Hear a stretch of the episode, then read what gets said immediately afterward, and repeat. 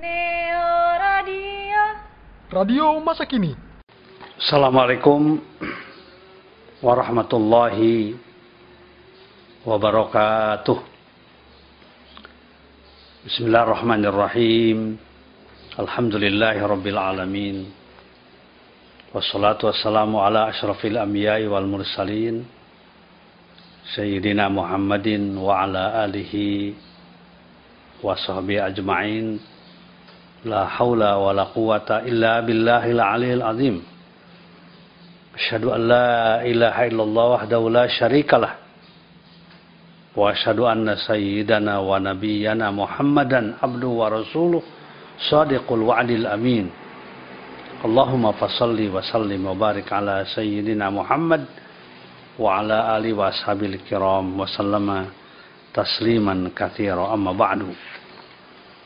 Jamaah kaum muslimin, kaum muslimat rahimakumullah.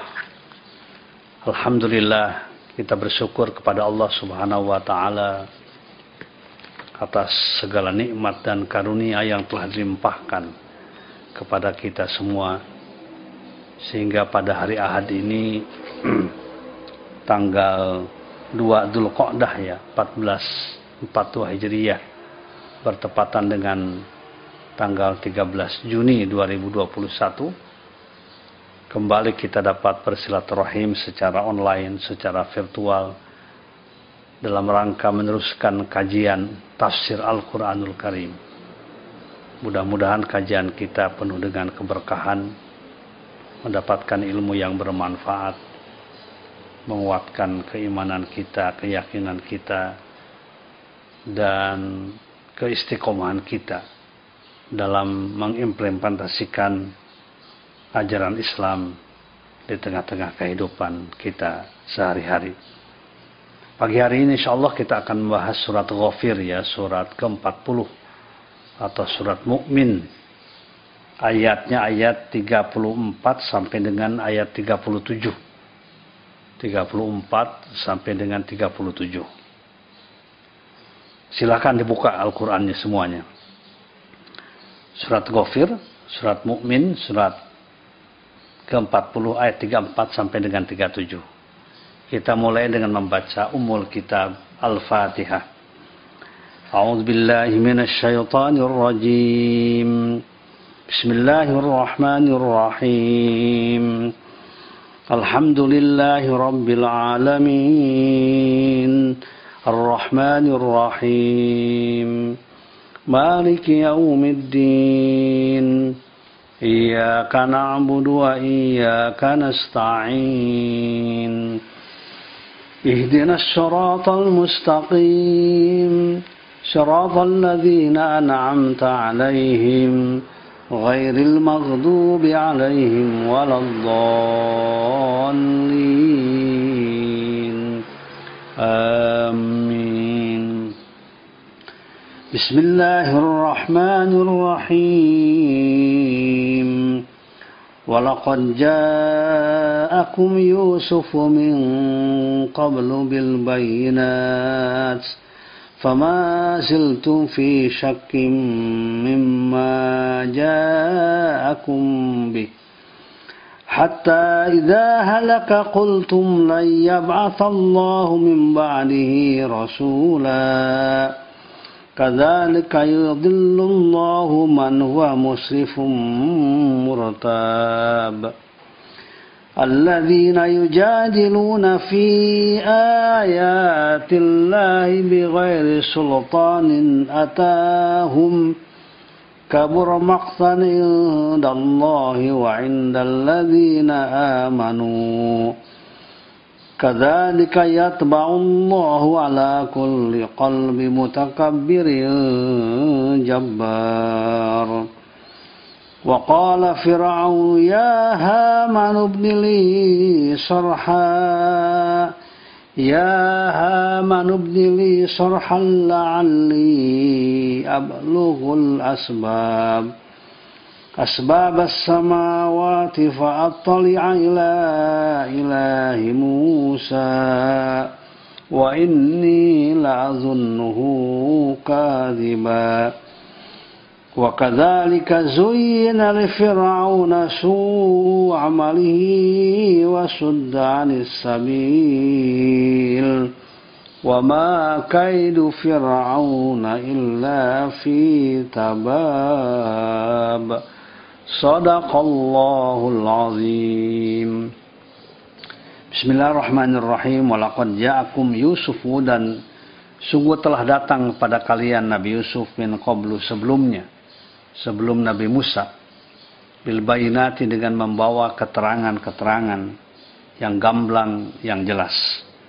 Fama ziltum fisyakin tetapi kalian tetap ragu-ragu. Mimma ja'akum bis dari apa yang beliau bawakan pada sesuatu itu. Hatta idza halaka sehingga ketika seseorang mati qultum kalian berkata la yab'atsallahu min ba'dihi rasulah tidak akan pernah mengutus Allah setelah Nabi Musa rasulan seorang rasul pun. Kadzalika demikianlah yudullahu menyesatkan Allah man huwa musrifun orang-orang yang bermewah-mewahan, yang melampaui batas, murtabun yang ragu-ragu. Alladzina yaitu orang-orang yujadiluna yang membantah orang itu fi ayatillah pada ayat-ayat Allah. Bighairi sultanin tanpa hujjah tanpa alasan yang benar. Atahum yang datang alasan itu pada mereka. Kabur maktan amat besar dosanya amat besar kebenciannya. Indah Allah di sisi Allah wa amanu dan di sisi orang-orang yang beriman. Kadzalika demikianlah yatma Allahu mengunci Allah. Ala kulli qalbi mutakabbirin pada setiap hati yang takabur, jabbarin yang sewenang-wenang. Wa qala Fir'aun dan berkata Fir'aun, "Ya Haman wahai Haman, ibnili bangunkan oleh engkau buat aku sorhan sebuah bangunan yang tinggi la'alli ablugul asbab agar aku bisa sampai pada pintu-pintu langit. Asbab samawati yaitu pintu-pintu langit. Fa ila ilahi Musa kemudian aku akan melihat Tuhannya Musa. Wa ini dan sungguhnya aku la'adunnuhu menyangka, mengira Musa kadiban orang yang berdosa. Wa kadzalika demikian zuyina dipandang baik di Firauna pada Firaun su'u amalihi keburukan dari amal perbuatannya wasudda dan dia menghalangi atau dihalangi anis sabili dari jalan kebenaran. Wa ma kaidu Firauna Tidaklah tipu daya Fir'aun illa fi tabab. Kecuali dalam kehancuran dan keraguan. Sadaqallahul azim. Jamaah kaum muslimin, kaum muslimat rahimakumullah. Sebagaimana telah sama-sama kita ketahui bahwa setiap nabi dan rasul diutus oleh Allah Subhanahu wa taala untuk menyampaikan risalah Islamiyah.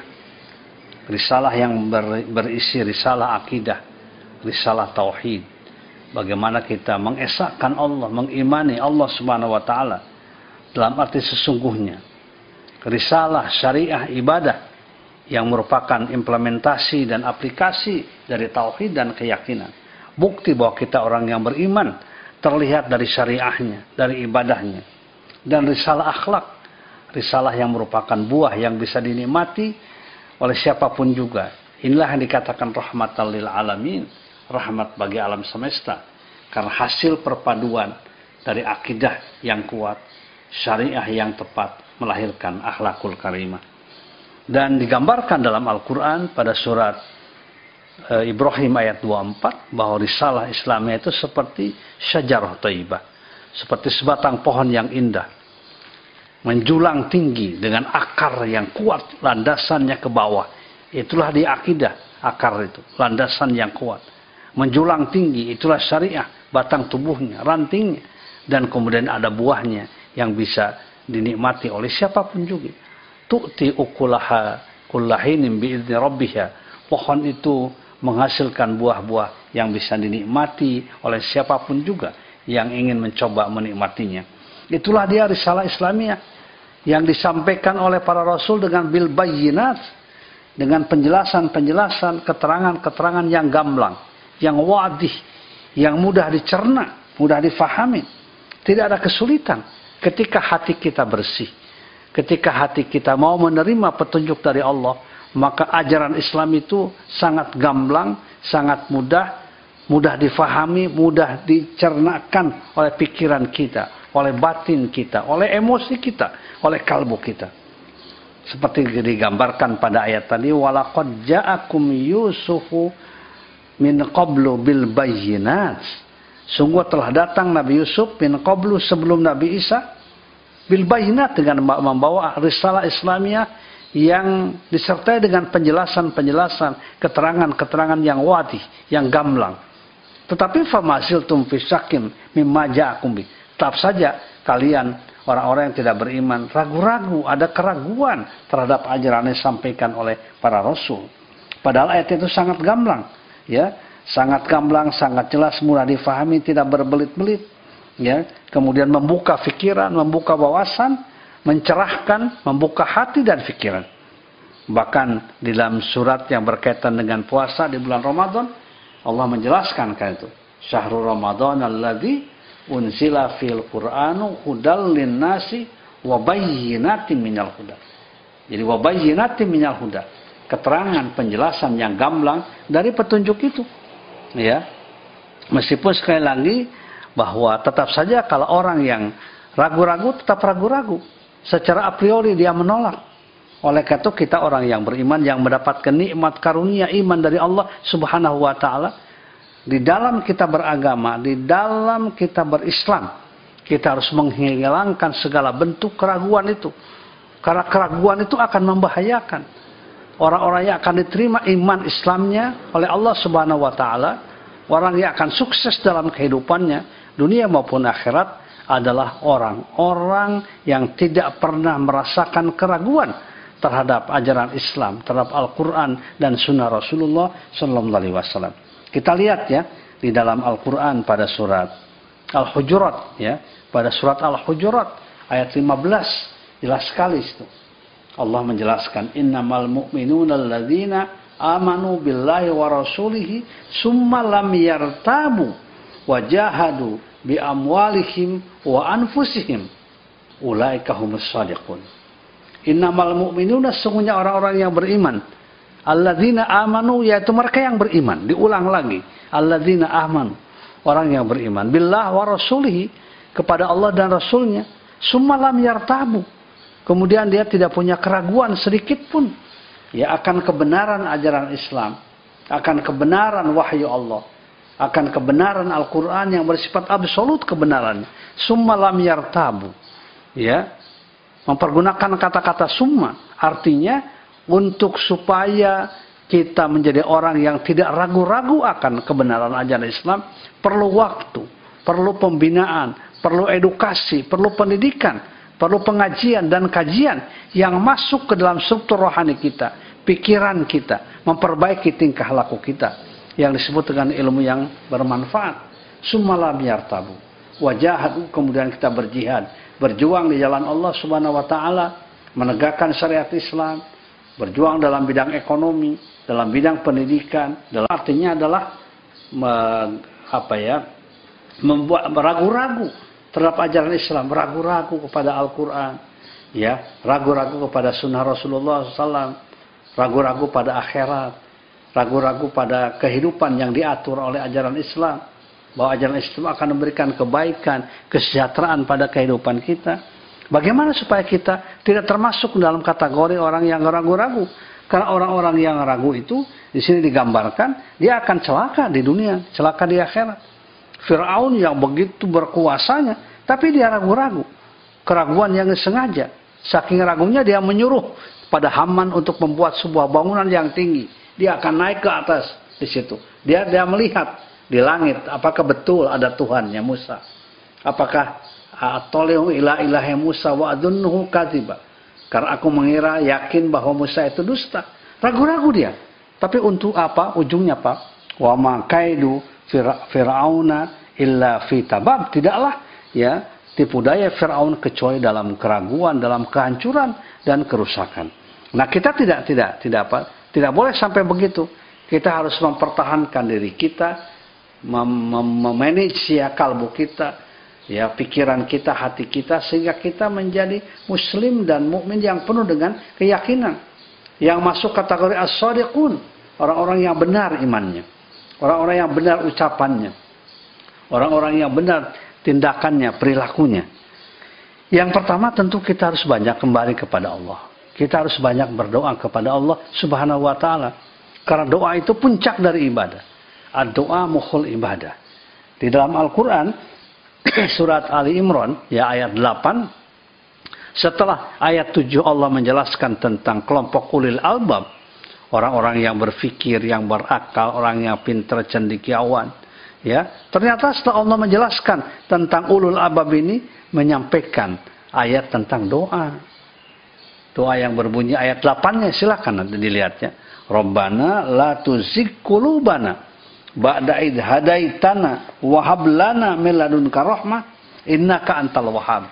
Rabbana Wahai Tuhan kami, la tuzik kulubana. Jangan kau palingkan, ya. Jangan kau palingkan hati kami. Ba'daid hadaitana. Setelah engkau memberikan petunjuk kepada kami. Ya, Rabbana la tuzik kulubana ba'daid hadaitana wa hablana min ladunka rahmah. Dan limpahkan oleh engkau kepada kami langsung dari engkau rahmatan, rahmat kasih sayang dalam keimanan Innaka antal wahab, sungguhnya engkau zat yang maha pemberi, maha mengasihi, maha menyayangi. Jadi kedekatan kita harus terus menerus kita lakukan. Komunikasi kita kepada Allah subhanahu wa ta'ala. Sebagai zat yang, yang apa yang, yang menentukan kehidupan kita, kematian kita.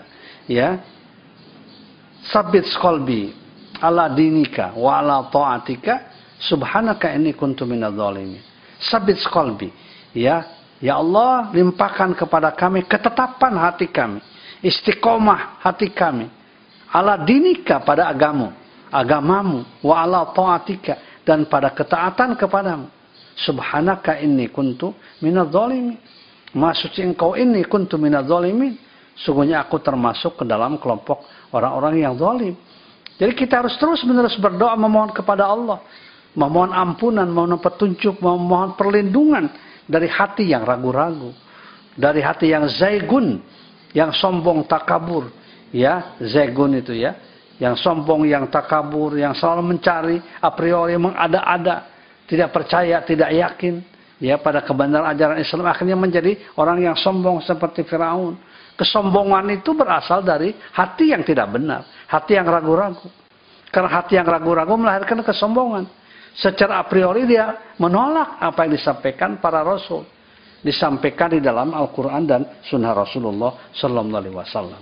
Itu yang pertama ya, doa, doa, doa. Kita mohon kepada Allah Subhanahu Wa Taala. Jadikan oleh kita berdoa bagian penting dari kehidupan kita. Yang kedua kita terus harus menerus menambah ilmu pengetahuan kita ya, dengan niat yang ikhlas, dengan niat yang ikhlas.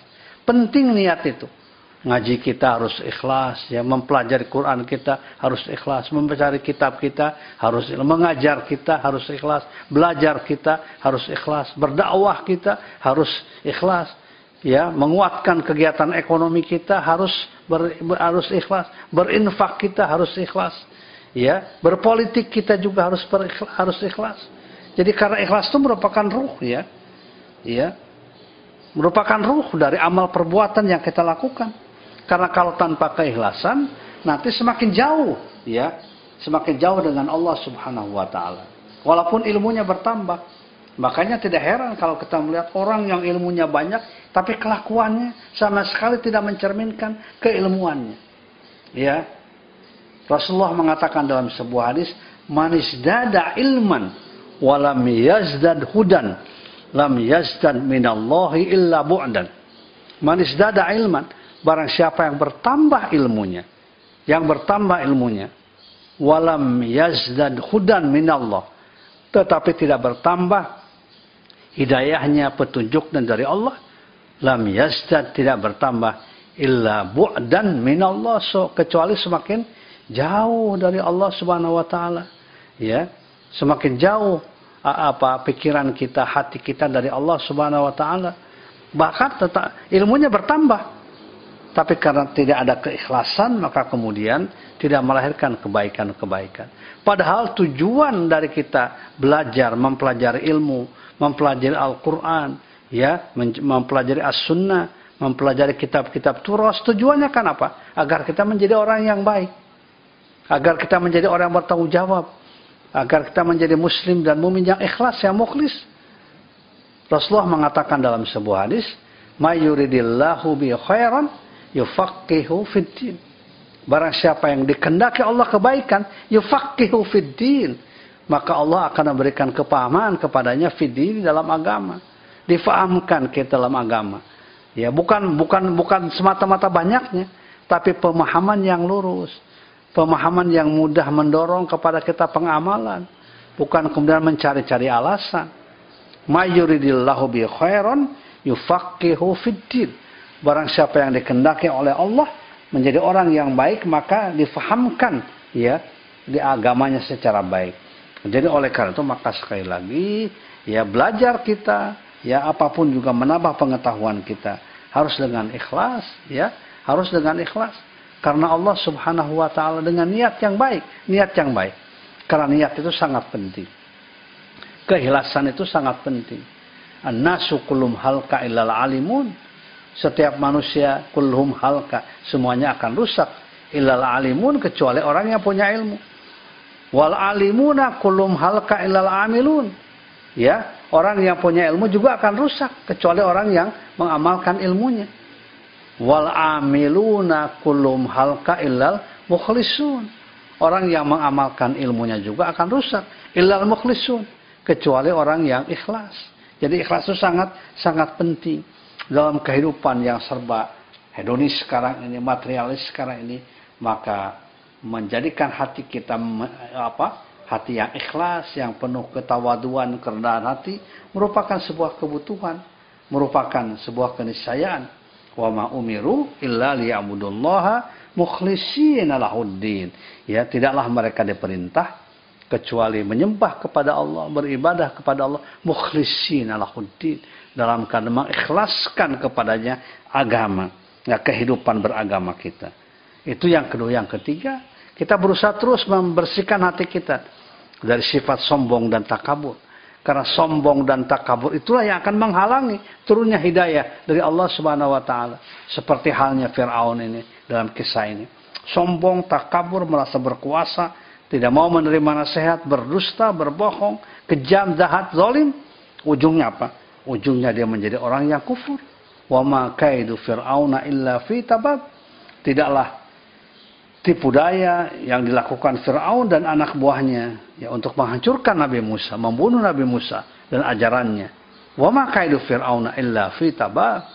Kecuali dalam keadaan kerugian, kehancuran dan dalam keadaan keraguan-raguan. Karena itu mari kita kuatkan iman kita, akidah kita, pandangan hidup kita ya Islamic worldview kita. Jangan sampai kita menjadi orang-orang yang ragu-ragu ya di dalam bertindak, di dalam beramal yang sesuai dengan Al-Qur'an dan sunnah Rasulullah sallallahu alaihi wasallam. Wallahu alam bisawab. Ada pertanyaan, Man? Baik, Pak Ustaz. Pertanyaan pekan lalu dari Bapak Erik MT. Hmm. Assalamualaikum warahmatullahi wabarakatuh. Waalaikumsalam warahmatullahi wabarakatuh. Izin bertanya, Ustaz, Bagaimana strategi dakwah terhadap para bazar yang muslim yang sering kekeh menjelekan Islam dalam cuitannya? Nun. Memang ini ya, cuitan-cuitan itu sering cuitan-cuitan yang menggambarkan kerusakan akhlak. Yang menggambarkan kerusakan akidah. Kalau cuitan-cuitan itu ya ditulis di WA, kemudian isinya adalah menghina Islam, jelas itu merusak tatanan kehidupan dan itu dosa besar. Jadi saya menghimbau pada semuanya, pada kita semuanya, supaya membiasakan ucapan-ucapan yang baik. Karena orang mukmin, orang muslim cuma dua alternatif dalam bicara. Falyakul khairon au liyasmut. Ya hendaknya bicara yang baik atau liyasmut, ya, atau diam. Ya, kelak akan dipertanggungjawabkan, ya, dipertanggungjawabkan di hadapan Allah Subhanahu wa taala orang-orang yang selalu berkelompok untuk menghina Islam, memfitnah orang-orang baik, ya, menghancurkan reputasinya, menghancurkan kredibilitasnya padahal difitnah orang-orang yang baik misalnya. Itu sangat membahayakan, membahayakan kehidupan yang bersangkutan sebenarnya. Jangan jangan apa ya, jangan mengira bahwa orang yang suka memfitnah itu akan abadi hidupnya. Ya, sudah janji ya dari Allah Subhanahu orang yang zalim dia akan merasakan di dunia. Karena ada hadis yang mengatakan ada dua dosa kan yang akan dibalas langsung oleh Allah di dunia. Di samping di akhirat nanti. Pertama, berlaku buruk pada kedua orang tua. Ya, yang kedua berlaku zalim kepada sesama. Nah, di dunia orang masih bisa untuk apa? Berkelit ya dengan lidahnya. Ya, berkelit dengan mulutnya.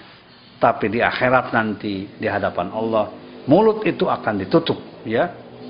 Dia akan dikunci, dia akan bicara dari tangannya, ya, bicara kakinya dan anggota tubuh yang lainnya.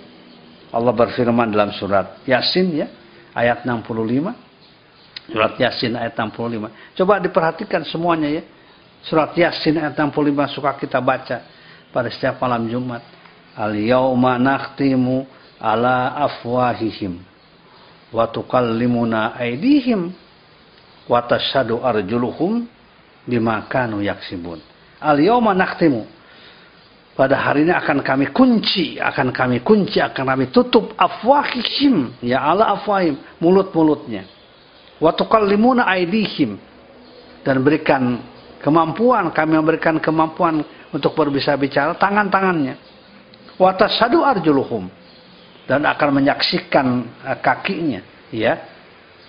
Bimakanu yaksibun terhadap apa yang mereka lakukan. Jadi sadarilah ya, sadarilah bahwa setiap anda, apa yang Anda ucapkan, apa yang Anda tweetkan gitu ya, tweetkan, tweetkan, Anda yang kirimkan lewat pesan-pesan yang yang memfitnah, yang berdusta itu ingatkan bukan untuk orang lain sebenarnya.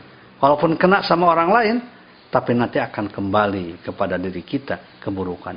Famayya amal mithqala dzarratin khairan yarah wa may ya'mal dzarratin syarran yarah akan kelihatan. Jadi saya mengajak untuk apa berhenti dari sifat-sifat tidak tidak kesatria itu. Dari sifat-sifat memfitnah, menjelek-jelekan orang-orang yang baik ya dan lain sebagainya. Ya. Ada lagi? Pertanyaan berikutnya dari Ibu Sri Sudaryanti. Hmm. Assalamualaikum Pak Ustadz.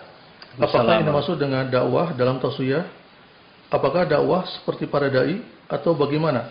Mohon penjelasannya karena kalau seperti dai kita sebagai orang biasa akan kesulitan.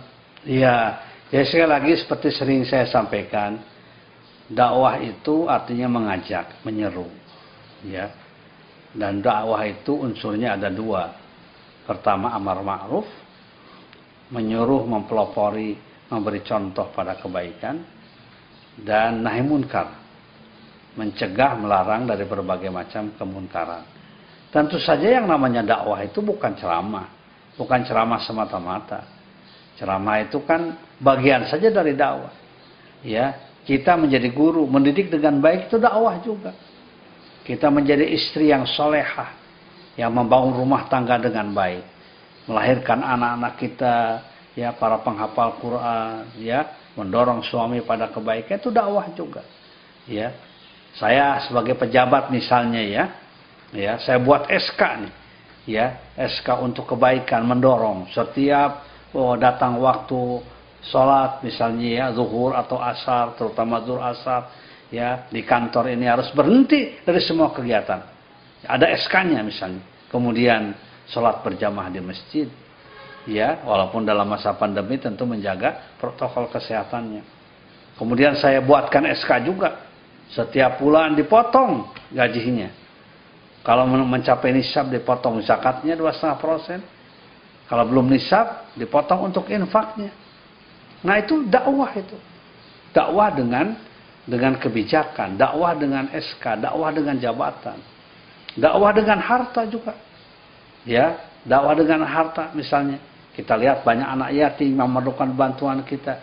Kita berikan beasiswa untuk anak yatim. Ya, kemudian juga untuk orang-orang miskin mereka yang mau pesantren, mau sekolah, diberikan biaya dari ke itu dakwah juga. Dakwah bil dakwah dalam bidang politik ya. para anggota DPR itu nanti akan diminta jawab di hadapan Allah. Ya anggota DPR, DPRD yang membuat perda, membuat undang-undang dan sebagainya. Ya, yang yang undang-undang yang membela kebenaran ajaran Islam, yang mensejahterakan masyarakat. Ya, bukan untuk kepentingan kelompok tertentu. Ya, itu juga akan bagian dakwah. Jadi dakwah itu bersifat sumulia. Dan sumuliatul dakwah sama dengan sumuliatul hayat, kehidupan, ya, kemencakupan kehidupan di dalam pandangan ajaran Islam. Jadi dakwah itu ibu ya tadi, ibu siapa? Sri Sudaryanti. Sri Sudaryanti ibu bukan sekedar dakwah itu ceramah, bukan. Ya, tetapi dakwah itu adalah mem, apa ya, memanfaatkan, menggunakan semua potensi yang kita miliki untuk kebaikan. Itulah dia inti dari dakwah. Baik, pertanyaan untuk hari ini dari Eras Rasdian. Mohon izin bertanya Pak Kiai, apa penyebab perbuatan buruk kita menjadi terasa indah? Ya, itu adalah di, banyak diungkapkan ya di di dalam apa?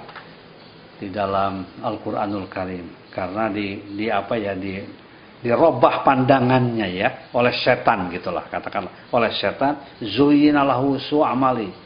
Perbuatan buruk itu dikatakan perbuatan baik seolah perbuatan dia menikmati keburukan itu. Makanya kita kadang-kala ya untuk melihat kebenarannya dalam faktanya, ada orang yang korupsi, merusak, menghancurkan negara, miliaran, ratusan miliar dia korupsi, ya, tapi dia tertawa saja tersenyum, seolah-olah tidak ada masalah, seolah-olah itu adalah kebaikan. Nah, itu yang dikatakan zuinalahu su'amali. Dia berzina, naudzubillah min zalik. Tapi dia berbangga-bangga menceritakan, saya waktu muda dulu begini perempuan, begini perempuan. Seolah-olah dia merasa berbangga. Ya. Nah, jadi jadi orang-orang demikian orang-orang yang dikendalikan oleh setan, tipu daya setan. Ya, pandangan hidupnya sudah berubah, mengikuti arah setan, ajakan setan. Ya, coba kita lihat ya dalam surat Al-Kahfi ya. Surat Al-Kahfi itu surat ke-18. Bapak Ibu bisa lihat ya dalam surat Al-Kahfi. Ya, kita lihat dalam surat Al-Kahfi itu pada ayat eh, ayat-ayat terakhir nih ya. 104 ya. 104 104 103 104 Kul hal nunabbiukum bil aksarina amala. Katakanlah aku akan ceritakan buat kalian bil aksarin ya orang yang paling merugi amal perbuatannya kehidupannya paling merugi aksar bukan sekedar khosir tapi aksar paling merugi kehidupannya Siapa mereka itu? Alladzina dhalla sa'yuhum fil hayatid dunya. Yaitu mereka yang sesat hidupnya dalam kehidupan dunia. Wahum yasabuna ya mereka mengira annahum yuhsinuna sunnah. Seolah perbuatannya baik. Tidak merasa malu, tidak mau istighfar, tidak mau bertobat kepada Allah karena dia merasa itu apa yang perbuatannya itu bukan perbuatan buruk, perbuatan baik. Padahal dilihat dari kacamata agama, ya dilihat dari kewajaran pun perbuatannya perbuatan yang buruk. Itu dikendalikan oleh setan. Ya, sebaliknya orang yang beriman tidak begitu. Orang yang beriman itu seperti kata Rasulullah Sallallahu Alaihi Wasallam, Ida sarratka hasanatuka wasaatka sayiatuka fa anta mu'minun. Ida sarratka hasanatuka. Kalau engkau gembira dengan perbuatan baik, Ya, dengan perbuatan hasanah kita gembira. Idza sarratka hasanatuka. Kita gembira dengan perbuatan baik. Ya, wasaat kasayiatuka dan kita menyesal dengan perbuatan buruk yang kita lakukan. Fa anta mu'minun. Maka Anda adalah asli orang yang beriman. Ya, ternyata orang yang beriman tuh salah satu indikator keimanannya adalah yaitu kita ketika berbuat yang baik kita merasa gembira ketika kita memberi, ketika berinfak, ada merasa sesuatu kegembiraan. Ya, ketika kita menolong sesama, ketika kita bangun tengah malam, ada kegembiraan. Ya, sebaliknya ketika kita melakukan perbuatan-perbuatan buruk, ada perasaan sedih yang luar biasa. Maka insya Allah anta mu'minun, anta termasuk ke dalam kelompok orang-orang yang beriman. Dan jangan dibiasakan ya, perbuatan buruk kita sikapi dengan biasa-biasa tidak perbuatan buruk harus kita sikapi dengan istighfar kepada Allah Subhanahu wa taala. Masih ada? Masih ada. Pertanyaan berikutnya dari Bapak Asfahani Khairul Huda. Hmm. Assalamualaikum Ustaz. izin bertanya. Naik turunnya iman selalu ada pada setiap insan. Nah, bagaimana cara untuk tetap istiqomah? Jazakallah. Ya. ya, jadi memang ada hadis ya. Al imanu yazidu wa yanqusu. Iman itu bertambah, berkurang, begitu ya. Fluktuatif. Yazidu biziyadatil amal. Iman itu akan bertambah kuat, membesar, gemuk, ya sehat biziyadatil amal. Dengan tambahan amal perbuatan baik kita. Wayan kusu sebaliknya iman itu akan berkurang. Binuksonil amal dengan berkurangnya amal perbuatan. Berkurangnya amal perbuatan. Ya, jadi sangat tergantung pada amal. Ya, waktu kalau kita oleh itu Nabi mengatakan khairul a'mali adwamuha wa in qalla. Sebaik-baiknya amal perbuatan yang dawam, yang rutin, yang konsisten, yang istiqomah walaupun sedikit. Karena itu akan berpengaruh pada iman kita. Apalagi kalau banyak. Ya, tahajud misalnya walaupun hanya dua rakaat lakukan setiap malam. Ya, sholat duha ya walaupun kita hanya dua rakaat ya setiap pagi lakukan. Baca Quran walaupun selembar dua lembar lakukan. Karena semuanya itu akan berpengaruh kepada keimanan kita.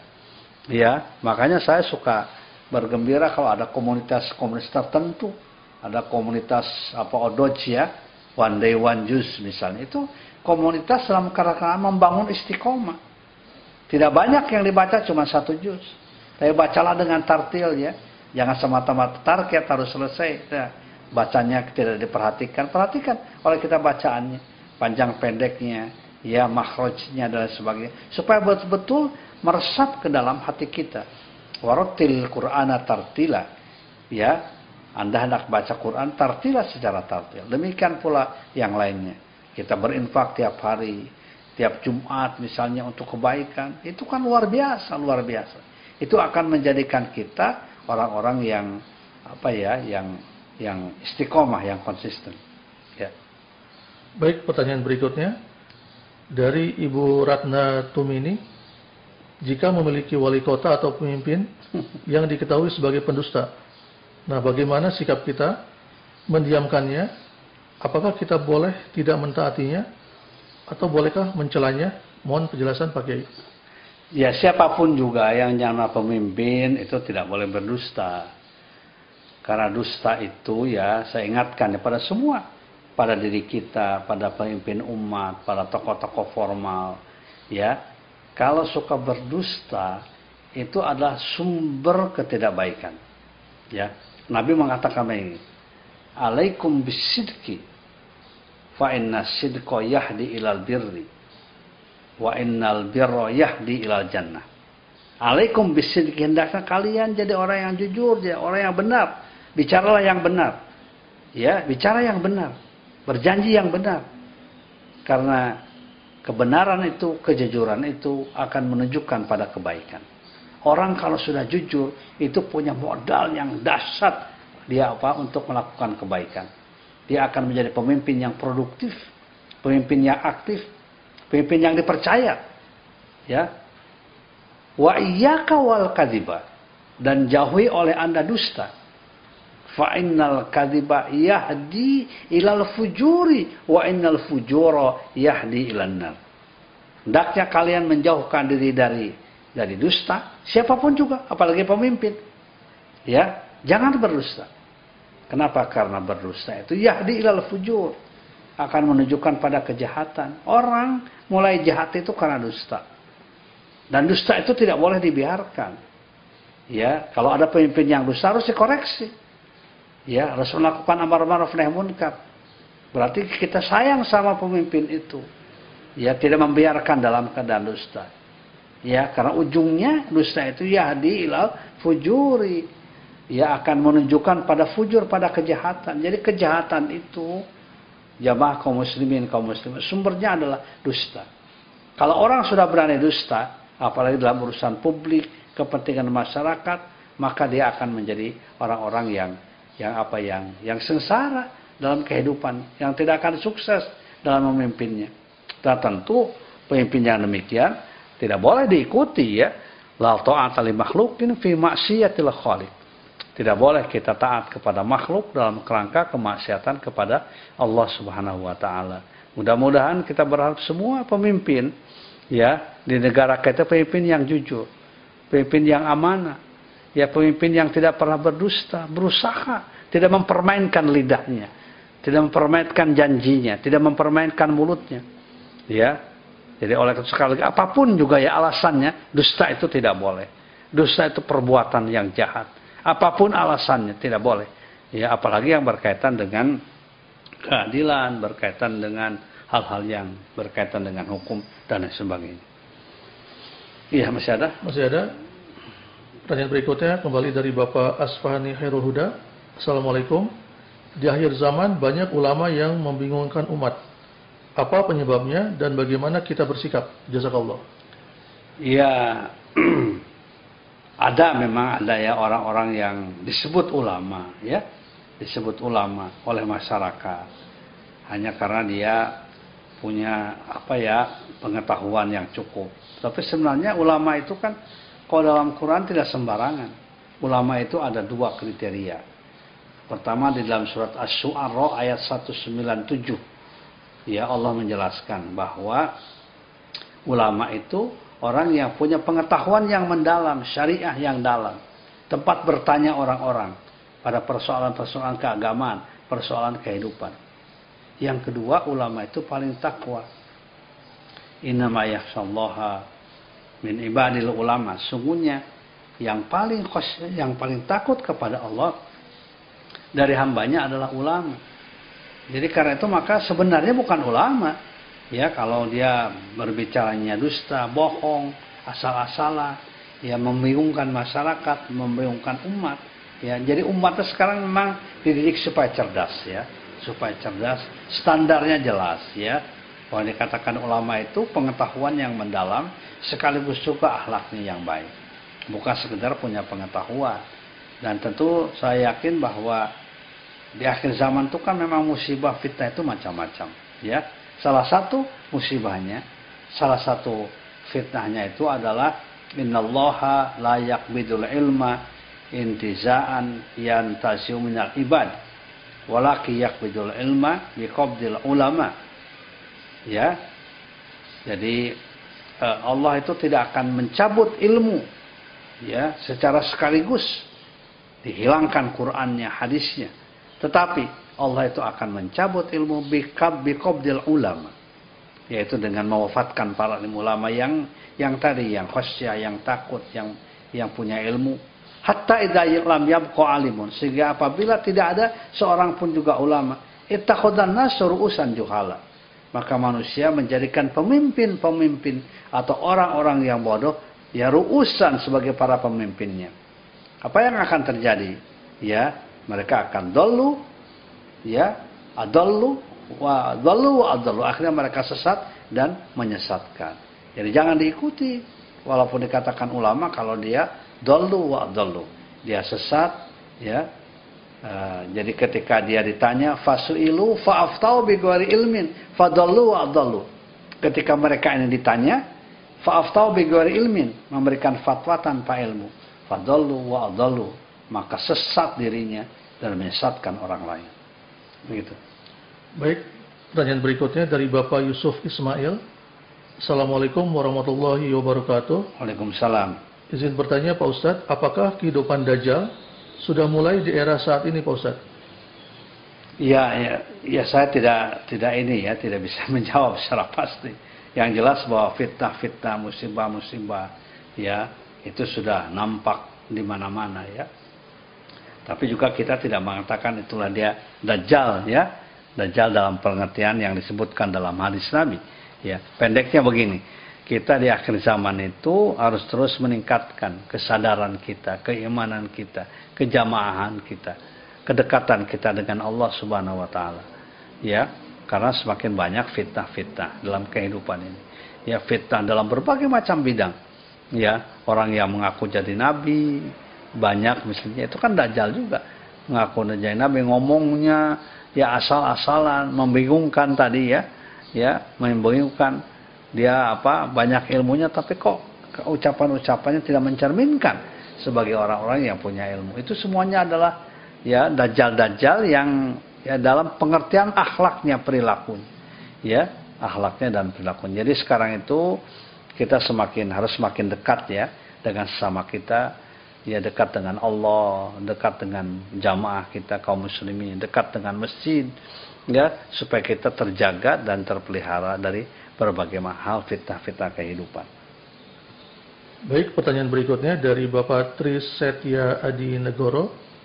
Ustadz izin bertanya bagaimana membuat hati kita menjadi ikhlas sehingga dalam gerak dan langkah menjadi ringan tanpa beban.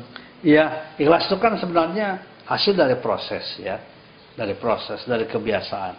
Kalau kita melakukan suatu secara terus menerus kita lakukan, ya walaupun pada mulanya terpaksa, tapi terus kita lakukan sehingga menjadi kebutuhan, maka insya Allah apa yang kita lakukan akan dilandasi dengan keikhlasan.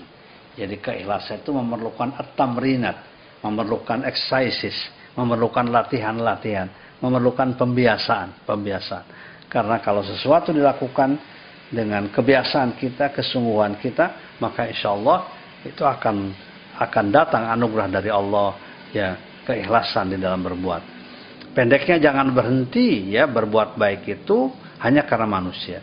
Manusia misalnya memuji kita lakukan, tidak memuji tidak kita lakukan. Kita jangan karena itu berbuat itu. Beramal soleh ya, amal yang bermanfaat lakukan oleh kita dalam segala situasi dan kondisi. Baik, pertanyaan berikutnya dari Bapak Satria Nur Ramadana. Pak Kiai, kalau kita berperilaku yang menyebabkan orang lain tidak suka dengan Islam, apakah itu merupakan dosa? Iya. Kalau kita menjadi penyebab keburukan orang lain, ya, itu juga akan membahayakan. Ya, kita misalnya sebagai pemimpin tapi pemimpin muslim tapi berbohong melulu. Itu kan akan menyebabkan orang jadi kadangkala suka melihat Islamnya. Padahal kan bukan bukan Islamnya ya tapi oh, pribadinya. Tapi jangan sampai kita menjadi sumber fitnah ya sumber keburukan. Jadi pejabat korupsi. Padahal kita disumpah dalam apa pakai Al-Qur'an tapi korupsi.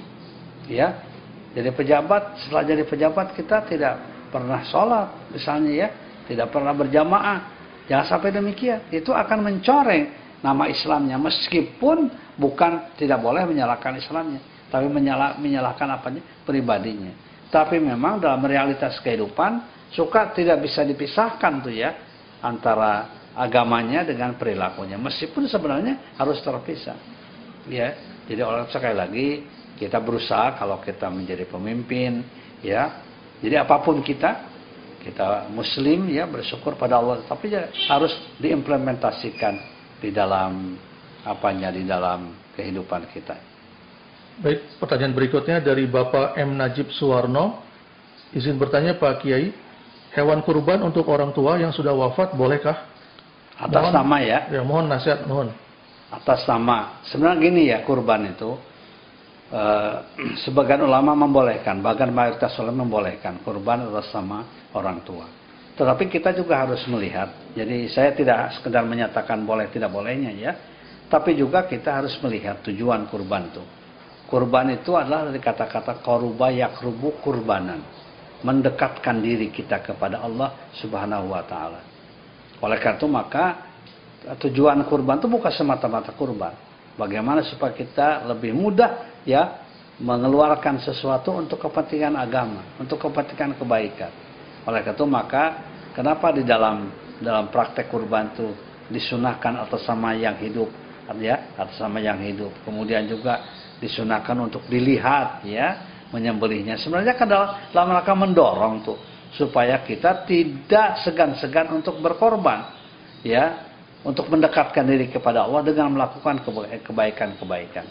Jadi sekali lagi pada dasarnya tentu kurban atas sama yang hidup itu jauh lebih baik ya uh, jauh lebih baik daripada kurban atas sama yang meninggal dunia yang meninggal dunia itu kita doakan saja insya Allah tapi lagi-lagi boleh kalau itu kalau itu misalnya dilakukan boleh saja tetapi yang paling utama adalah dalam lihat dari aspek tujuannya yaitu dalam kerangka mendekatkan diri kita kepada Allah Subhanahu wa taala. Baik, pertanyaan berikutnya dari Ibu Komaria Ahmad Assalamualaikum warahmatullahi wabarakatuh. Waalaikumsalam. Pak Kiai, bolehkah kalau kita hatinya kesal pada orang Islam liberal dan berdoa agar diberi hidayah atau dihancurkan Allah? diberi hidayah saja. Doa lebih baik ya. Mudah-mudahan diberikan hidayah. Kalau tidak, kalau dia tetap begitu ya kita serahkan sepenuhnya kepada Allah. Hasbi, hasbi Allah wa ni'mal wakil, ni'mal maula wa ni'man nasir. Tapi tetap kita usahakan yang namanya berdoa, ya berdoa untuk kebaikan, ya berdoa untuk kebaikan. Tapi kalau misalnya dia tetap begitu, merugikan agama, kita serahkan sepenuhnya kepada Allah Subhanahu Wa Taala. Baik, pertanyaan berikutnya dari Bapak Mohan SEMEI. Ustadz, bagaimana menyikapi pola pendidikan di Indonesia? Ya, pola pendidikan di Indonesia memang ya eh, ada ada apa ya? Ada ada banyak pihak yang menginginkan ada perubahan yang mendasar bukan ke arah kebaikan.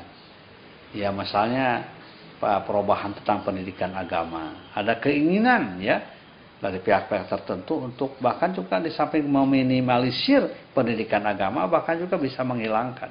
Dan ini sangat sangat berbahaya. Kita berharap ya tidak boleh ada apa tidak boleh menghilangkan pendidikan agama. Ya karena nilai-nilai agama itulah nilai-nilai yang dimiliki oleh bangsa kita. Bangsa kita ini merdeka karena bangsa kita beragama khususnya muslim ya kita merdeka ini di samping karena perjuangan para pahlawan juga atas berkat rahmat Allah yang Maha Kuasa. Jangan dihilangkan dan jangan dicoba dihilangkan apalagi diganti oleh komunis misalnya, oleh anti Tuhan. Ya, itu sesuatu perbuatan yang menurut saya ahistoris. Ya, bangsa kita kuatnya karena agama. Ya, bangsa kita bersatunya karena agama. Ya, bangsa kita memang bangsa yang beragama religius. Ya, ini sebuah realitas, sebuah kenyataan. Coba kita lihat mesin. Ya, siapa yang membangun mesin ini? Membangun mesin masyarakat. Ya, masyarakat sebagian besar. Ya. Demikian pula apa? lembaga-lembaga pendidikan Islam. Itu adalah lembaga-lembaga yang dibangun oleh umat sebagian besar. Tujuannya apa? Ingin punya generasi mendatang yang lebih baik. Lebih baik apanya? Ya akidahnya, ya akhlaknya. Di samping pengetahuannya, kecerdasannya, tanggung jawabnya, sifat sosialnya, tetapi intinya dari akidahnya, keyakinannya. Gitu. Ya. Baik, pertanyaan berikutnya dari Bapak Eri Saptaria Akhyar. Assalamualaikum warahmatullahi wabarakatuh, Ustaz. Apakah dapat disimpulkan bahwa Fir'aun lebih suka dengan dakwah amar ma'ruf ketimbang nahi mungkar? Syukran Pak Kiai. Assalamualaikum warahmatullahi wabarakatuh. Kalau Fir'aun itu kan bukan bukan dakwah, sasaran dakwah mungkin ya. Mad'unya mad'unya. Mad Firaun itu ya memang mad'unya Nabi Musa. Ya Nabi Musa dihadapkan oleh Allah pada seorang mad'u ya sasaran dakwah yang begitu kuat dari aspek kekuasaan aspek tentara tentara anak buah aspek harta gitu ya untuk menggambarkan bahwa dakwah itu memang begitu. Tentu saja dakwah dilakukan pada Badu yang demikian di samping amal ma'ruf juga nahi munkar tetapi yang menarik adalah dalam Al-Quran, ya Nabi Musa dan Nabi Harun diperintahkan untuk mendatangi Fir'aun yang jahat, ya, tapi dengan fakula lahu qawlan layyina. La'allahu yatadzakkaru aw yakhsha. Hendaknya Anda datang kepadanya dan Anda berkata dengan perkataan yang baik, ya. Layyina, perkataan yang lemah lembut, tapi bukan bukan yang lemah dalam pengertian takut, bukan Ya, tidak kasar gitu maksudnya, tidak kasar. Sampaikan kepadanya qaulal layyina, ucapan yang baik. La'allahu yatadzakkaru aw yakhfa. Siapa tahu dia mendapatkan pelajaran dari dakwah yang dilakukan. Baik, pertanyaan berikutnya dari Ibu Siti Ridayani. Assalamualaikum. Merapatkan saf dalam sholat masa pandemi apa terus dilakukan? Sampai kapan? Syukuran. Ya, mudah-mudahan sampai sampai apa ya? Sampai Eh, pandeminya diangkat dicabut oleh Allah. Ya uh, ingatkan ya itu hanya berkaitan dengan keutamaan. Ya bukan persyaratan berjamaah kan rapat tapi keutamaan. Ya dan keutamaan itu bisa hilang ketika terjadi sesuatu yang menyebabkan kalau dilakukan ini itu akan berbahaya. Ya lebih baik ya uh, itu kan tidak tidak tidak tidak menyebabkan jamaah kita batal kalau sholat berjamaah seperti sekarang ini. Ya, apa? Dalam kondisi normal tentu tidak boleh terjadi jarak ini ya, tapi harus rapat. Ya, harus apa tuh? Harus sawu, sawu apa-apa, mendekat, mendekat. Tetapi kita tahu kan, Dan saya kira tidak ada seorang ulama pun di mana pun juga yang yang yang apa yang menyatakan salah tata cara kita melaksanakan sholat dalam kondisi dalam kondisi pandemi ini seperti sekarang. Baik, pertanyaan berikutnya dari Ibu Popi Novita. Ustadz, ya. bagaimana Lihat. kita supaya menjadi hamba yang dikehendaki Allah diberi rahmah, kepahaman ad-din? Iya, ya belajarlah kita belajar dengan baik, tidak boleh terus menerus apa tidak boleh uh, apa tidak boleh kita terus menerus dalam kebodohan dalam ketidaktahuan belajarlah kita dan belajar itu usahakan tidak jadi satu guru ya menghormati guru ya tapi kita tidak jadi tidak tidak apa hanya kebenaran seolah dari guru tersebut tidak ya supaya apa supaya apa wawasan kita juga luas ya dan niat kita niat yang baik pertanyaan berikutnya dari Ibu Selvi SSR Assalamualaikum. Bagaimana sikap kita terhadap orang tua yang dari sikapnya tidak baik untuk dicontoh? Misalnya atau contohnya orang tua yang membuang anaknya atau orang tua pemabuk. Ya, ya kita berlindung ya kepada Allah Subhanahu wa taala kalau punya nasib yang begitu ya, orang tua yang tidak bisa menjadi orang tua. Ya, orang tua yang tidak berfungsi sebagai orang tua. Tapi tetap seburuk-buruknya orang tua tetap kita harus hormat. Tetapi jangan diikuti ah, kelakuan-kelakuannya. Tapi tetap bahkan dalam Quran surat Luqman juga disebutkan wa in jahadaka ala an tusyrika bi ah, ma laysa kabilun fala tuti'huma tapi wasahibhuma fid dunya ma'rufa kalau orang tua kamu mengajak pada keburukan kemusyrikan jangan diikuti tapi wasahibhuma fid dunya ma'rufa pergauli dengan cara yang baik. Nasihati orang tua kalau misalnya dia melakukan tadi minum keras dan lain sebagainya. Ya. Baik, yang berikutnya dari Ibu Karista Pratiwi. Assalamualaikum Kiai. Saya masih dalam tahap belajar Pak Kiai. Namun saya banyak menemukan Muslim yang menebar kebencian terhadap sesama. Lantas, bagaimana saya menguatkan diri dari keraguan?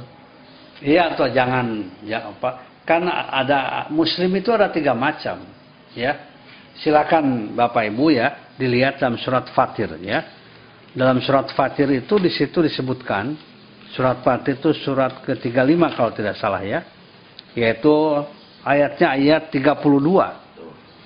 Summa awrasal kitab alladziina astafaina min ibadina faminhum zalimun li nafsi wa minhum muqtasid wa minhum sabiqun bil khairat biiznillah.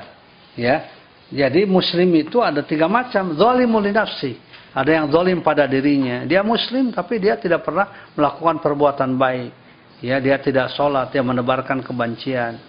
Tugas kita adalah mendakwah mengajakannya supaya naik pada fase yang kedua, yaitu uh, apa? muktasid, ya muktasid yang pertengahan. Ya, kemudian yang ketiga sabikun bil khairat. Jadi ke, terus saja ya ibu, bapak semuanya terus ya belajar Islam dengan baik ya supaya kita mendapatkan inti dari ajaran Islam ya supaya kita mendapatkan saripati dari ajaran Islam supaya kita membiasakan ajaran Islam yang baik dalam kehidupan kita baik ya. ini ada permintaan doa ya. dari ibu ini terakhir berarti ya, ya terakhir ya permintaan doa dari ibu Sari Gozali Assalamualaikum Barakallah Kiai, semoga Pak Kiai dan keluarga selalu dalam kesehatan. Amin, amin, amin, amin. Mohon pido anak untuk putra kami yang bernama Muhammad Khairul Zikri dalam menghadapi persiapan ujian tahfiz Satur Nuhun. Wah, alhamdulillah tuh Ibu ya. Muhammad apa tadi man? Muhammad Khairul Zikri. Muhammad Khairul Zikri. Ya, mudah-mudahan dijadikan mujahid yang soleh. Ya, hafizul Quran ya. Yang hafiz, yang kemudian menyebarkan menebarkan kebaikan di tengah-tengah masyarakat ya dan dimudahkan segala urusannya oleh Allah Subhanahu wa taala. Mari kita eh, apa doakan dengan dimulai membaca umul kitab Al-Fatihah. A'udzubillahi minasyaitonirrajim. Bismillahirrahmanirrahim. Alhamdulillah rabbil alamin. Ar-Rahmanir Rahim. Maliki yaumiddin. Iyyaka na'budu wa iyyaka nasta'in. Ihdinas siratal mustaqim, siratal ladzina an'amta 'alaihim Allahumma yassir umurahu wa. Allahumma yassir umurana wa umurahu wa umural muslimin bi rahmatika ya arhamar rahimin. Rabbana zidna ilman nafi'a warzuqna fahman wasi'a wa rizqan halalan atina min ladunka rahmah wa hayyi min amrina rasada. Rabbana hab lana min azwajina a'yun waj'alna lil imama. Rabbi ja'alni muqimas shalah wa min turiyati Rabbana wa taqabbal du'a walhamdulillahi rabbil alamin. Mari kita akhiri ya pengajian kita pada pagi hari ini. Insya Allah kita bertemu kembali pada hari-hari yang akan datang. Mudah-mudahan semuanya dalam keadaan sehat walafiat. Amin. Ya Rabbal Alamin. Ya, kita doa kifrat majlis sama-sama. Subhanakallahumma wa bihamdika asyhadu an la ilaha illa anta astaghfiruka wa atubu ilaik. Assalamualaikum warahmatullahi wabarakatuh. Waalaikumsalam warahmatullahi wabarakatuh.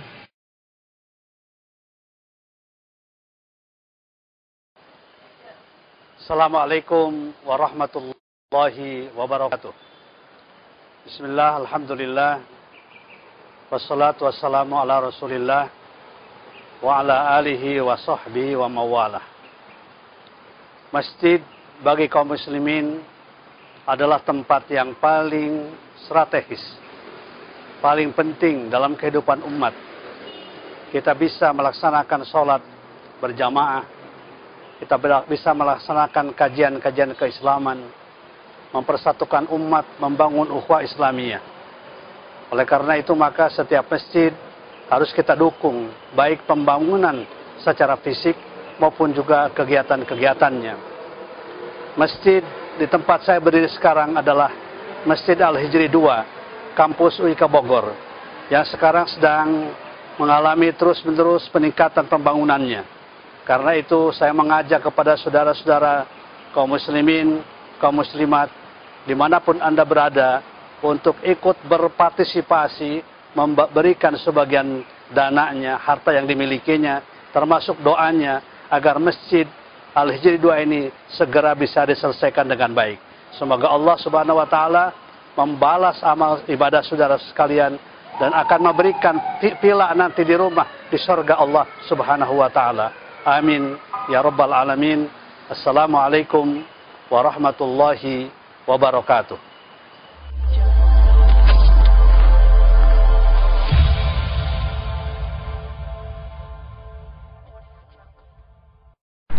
Neo Radio. Radio masa kini. Assalamualaikum warahmatullahi wabarakatuh. Selamat siang Sobat Muda Education. Masih bersama Neo Radio. Di sini ada aku Anissa yang akan menemani kalian selama 30 menit ke depan yang akan bercerita kisah inspiratif. Semoga sobat muda education semua mendapat manfaatnya ya. Sebelumnya, aku mau menyapa dulu nih para pendengar Neo Radio di mana pun kalian berada. Semoga tetap menjaga kesehatan dan tetap mengikuti protokol kesehatan ya bagi kalian yang sedang berada di luar rumah. Baiklah, sebelum masuk uh, ke cerita yang akan aku bagikan, cerita inspiratif ini, aku mau puterin lagu dulu nih biar tetap enjoy mendengarkan siaran siaran Mia Radio. Stay tune.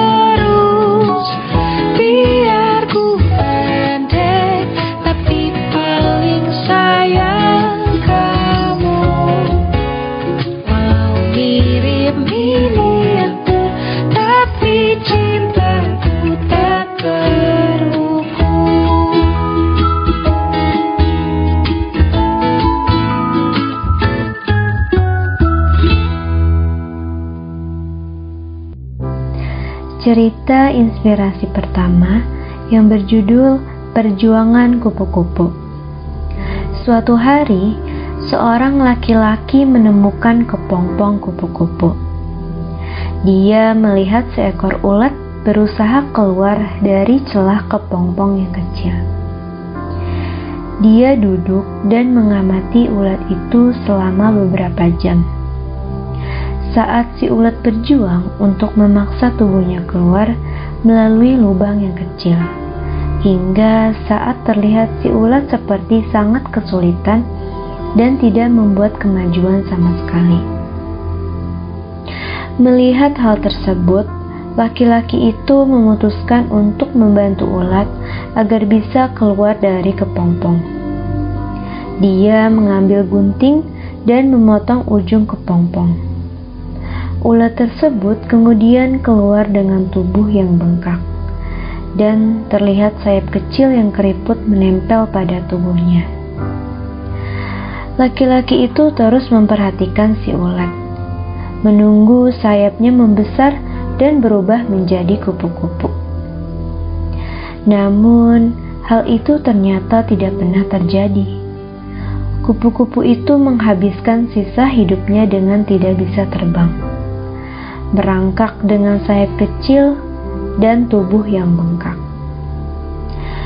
Meskipun pria itu baik hati, dia tidak mengerti bahwa kepompong yang membatasi dan perjuangan yang dibutuhkan kupu-kupu untuk bisa melewati lubang kecil itu adalah cara Tuhan untuk memaksa cairan dari tubuh kupu-kupu ke sayapnya yaitu mempersiapkan kupu-kupu untuk terbang setelah keluar dari kepompong.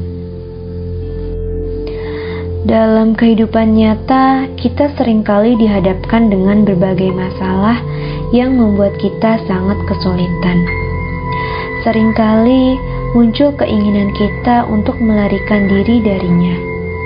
Padahal tantangan tersebut dipersiap, dipersiapkan Tuhan agar kita bisa menjadi versi yang lebih baik dari kita saat ini. Hal yang sama terjadi ketika kita mendidik anak. Karena rasa sayang kita terhadap mereka, sering kali kita membantu mengatasi masalah yang mereka hadapi. Padahal, kemampuan untuk mengatasi permasalahan mereka sendiri akan menjadikan mereka orang yang kuat dan siap menghadapi masa depan.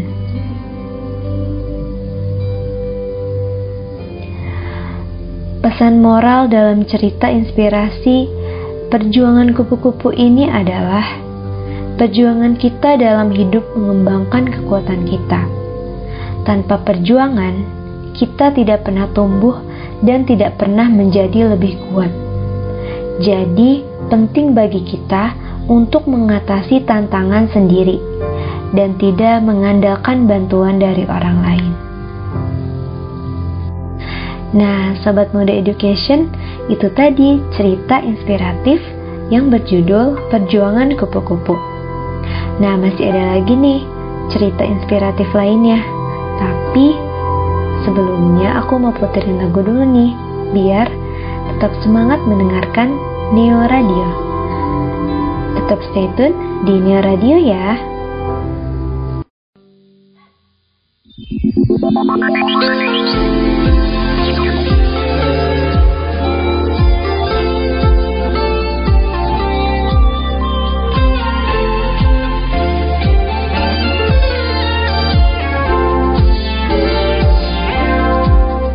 Semalam aku bermimpi bertemu dengan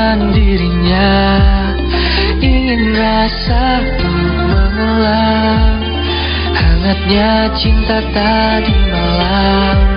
Sudah tahukah dia tentang diriku Yang tak mungkin mencinta di saat tak tepat lagi Yang kuragukan dia berdiri mungkin memiliki Sedetik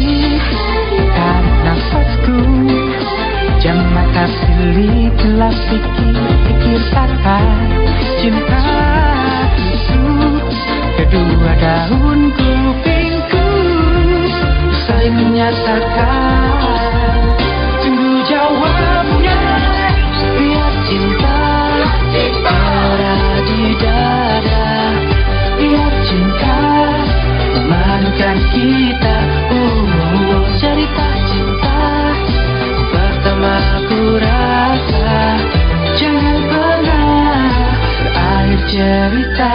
cinta kita.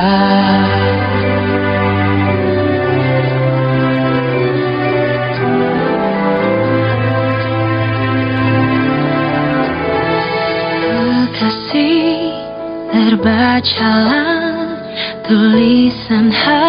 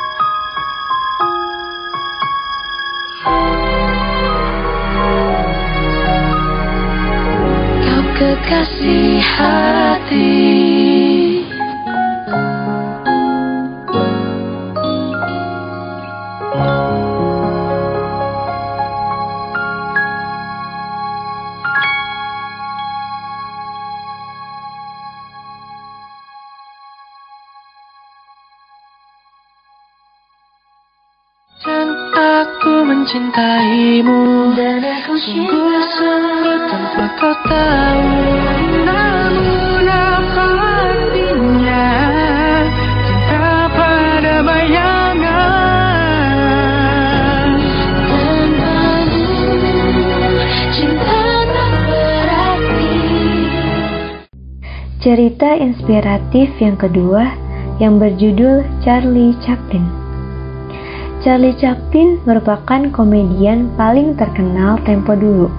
Ia pernah bercerita, Waktu masih kecil, aku diajak oleh ayahku untuk menonton pertunjukan sirkus. Sebelum masuk, kami antri di depan loket untuk membeli karcis.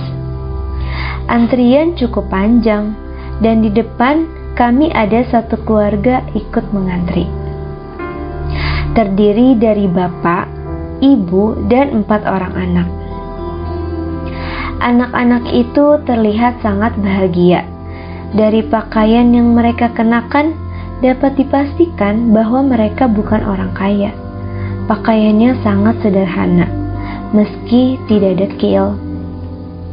Tiba giliran mereka harus membayar karcis. Sang bapak meroboh kantong celana dan tampak kebingungan. Uangnya tidak cukup untuk membayar enam lembar karcis. Dia sedih dan murung. Kemudian segera minggir dari antrian. Ayahku melihatnya dan langsung merogoh uang 20 dolar dari sakunya. Ayahku langsung menjatuhkan uang itu di samping bapak empat anak tersebut. Ayahku menepuk pundak si bapak dan berkata, "Pak, uang Anda jatuh." Bapak itu menoleh, memandang ayahku, dan dia sadar bahwa ayahku hendak membantunya supaya bisa membeli enam karcis. Matanya sembab, bibirnya tersenyum, dan dia mengambil uang 20 dolar itu sambil berterima kasih. Ayahku pun tersenyum, lantas mundur menghampiriku. Aku lihat bapak itu segera membeli karcis untuk keluarganya. Mereka tampak sangat bahagia. Ayahku lantas mengajak aku pulang. Kami tidak jadi menonton pertunjukan sirkus di hari tersebut. Ternyata uang ayahku hanya 20 dolar dan sudah diberikan kepada keluarga tadi. Dalam hidupku, itulah pemandangan yang paling menakjubkan. Pemandangan yang jauh lebih indah dibanding pertunjukan apa pun di muka bumi ini. Sejak saat itu, aku meyakini bahwa pendidikan terbaik adalah tindakan, bukan kata-kata. It's not about how much money you give, it's about how much love you put in your you put in your gift. Ini bukan mengenai berapa banyak uang yang kamu berikan, tetapi berapa banyak cinta yang kamu berikan saat memberi.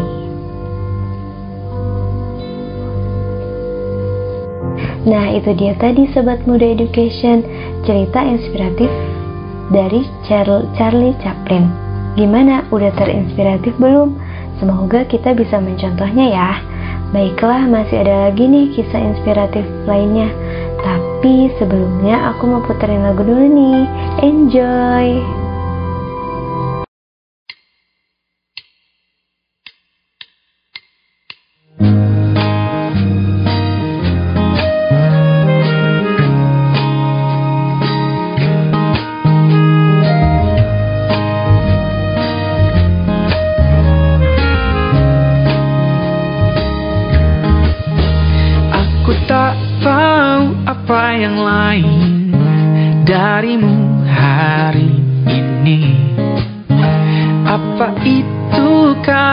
Sepatu flatmu Atau kukumu yang baru kau warnai. Pernahkah kau bertanya Seperti apa bentuk air tanpa wadah? Pernahkah kau mengira Seperti apa bentuk cinta? Warna-warni bagai gulali Imut lucu walau tak terlalu tinggi. Pipi cabi dan kulit putih. Senyum manis gigi kelinci Membuatku tersadar. Bentuk cinta itu. Ya kamu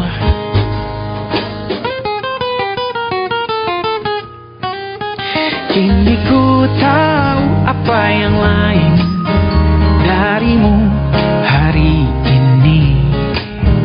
Itu bukan karena sepatu flatmu Atau kukumu yang baru kau warnai. Pernahkah kau bertanya Seperti apa bentuk air tanpa wadah? Pernahkah kau mengira seperti apa bentuk cinta? Rambut warna-warni bagai gulali. Imut lucu walau tak terlalu tinggi. Pipi cabi dan kulit putih. Senyum manis gigi kelinci Membuatku tersadar. Bentuk cinta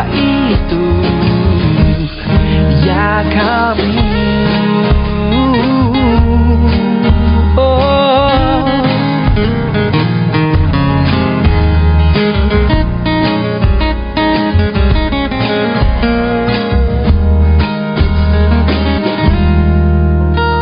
Pernahkah kau bertanya seperti apa bentuk air tanpa wadah Pernahkah kau mengira Seperti apa bentuk cinta?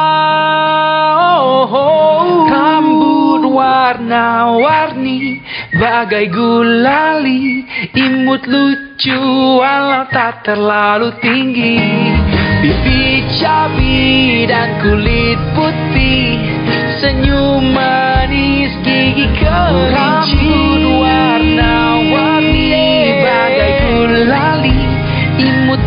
lucu walau tak terlalu tinggi. Pipi cabi dan kulit putih. Senyum manis gigi kelinci Membuatku tersadar bentuk cinta itu. Ya kamu oh, Cuma dirimu untukku. Bentuk cinta itu kamu. Oh ya kamu.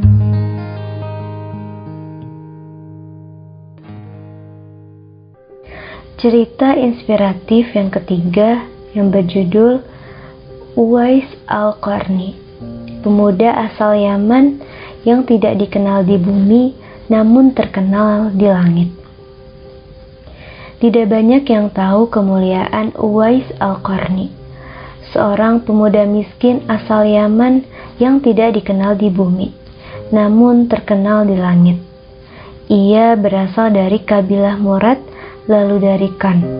Kan sendiri adalah bagian dari Murad. Uwas Al-Qarni sangat dicintai Rasulullah Shallallahu Alaihi Wasallam dan penghuni langit. Dalam sebuah hadis yang diriwayatkan Imam Muslim, sesungguhnya tabiin yang terbaik adalah seorang pria yang bernama Uwais. Ia memiliki seorang ibu dan dulunya berpenyakit kulit, tubuhnya ada putih-putih.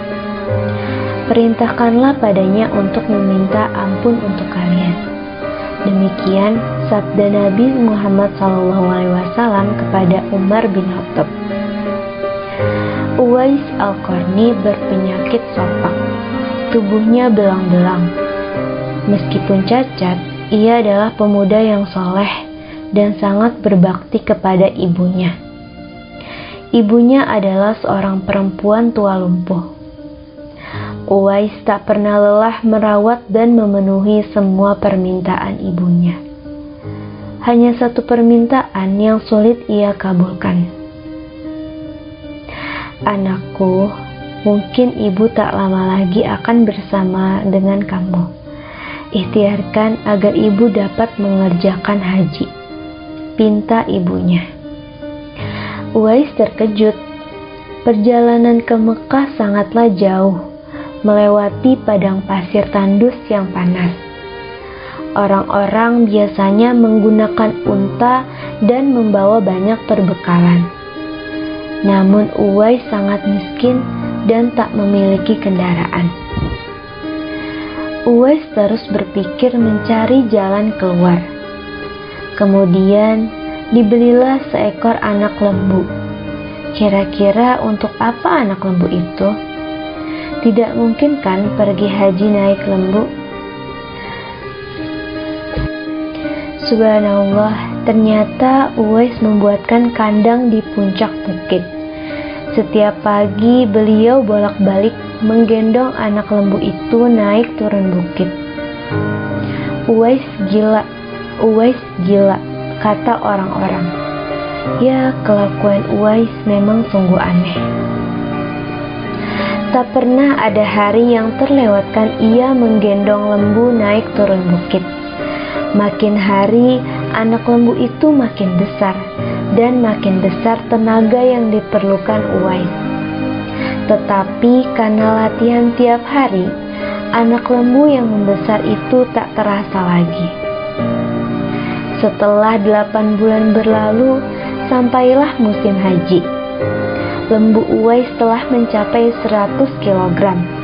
Begitu juga dengan otot Uwais makin membesar ia menjadi kuat mengangkat barang.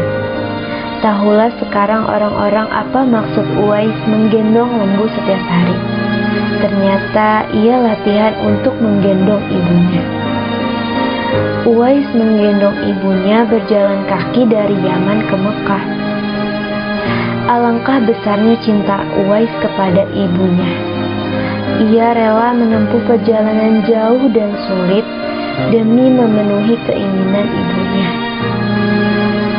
Uwais berjalan tegap menggendong ibunya tawaf di Ka'bah. Ibunya terharu dan bercucuran air mata ketika melihat Baitullah.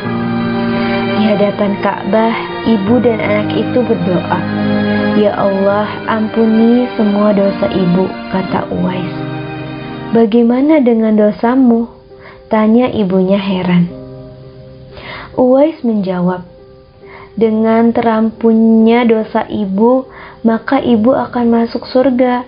Cukuplah ridho dari ibu yang akan membawaku ke surga." Itulah keinginan Uwais yang tulus dan penuh cinta. Allah Subhanahu wa taala pun memberikan karunia-Nya. Uwais seketika, seketika itu juga disembuhkan dari penyakit sopaknya hanya tertinggal bulatan putih di tengkuknya. Hikmah dari disisakannya bulatan putih di tengkuk itu sebagai tanda bagi Umar bin Khattab dan Ali bin Abi Thalib, dua sahabat utama Rasulullah Wasallam, untuk mengenali Uwais.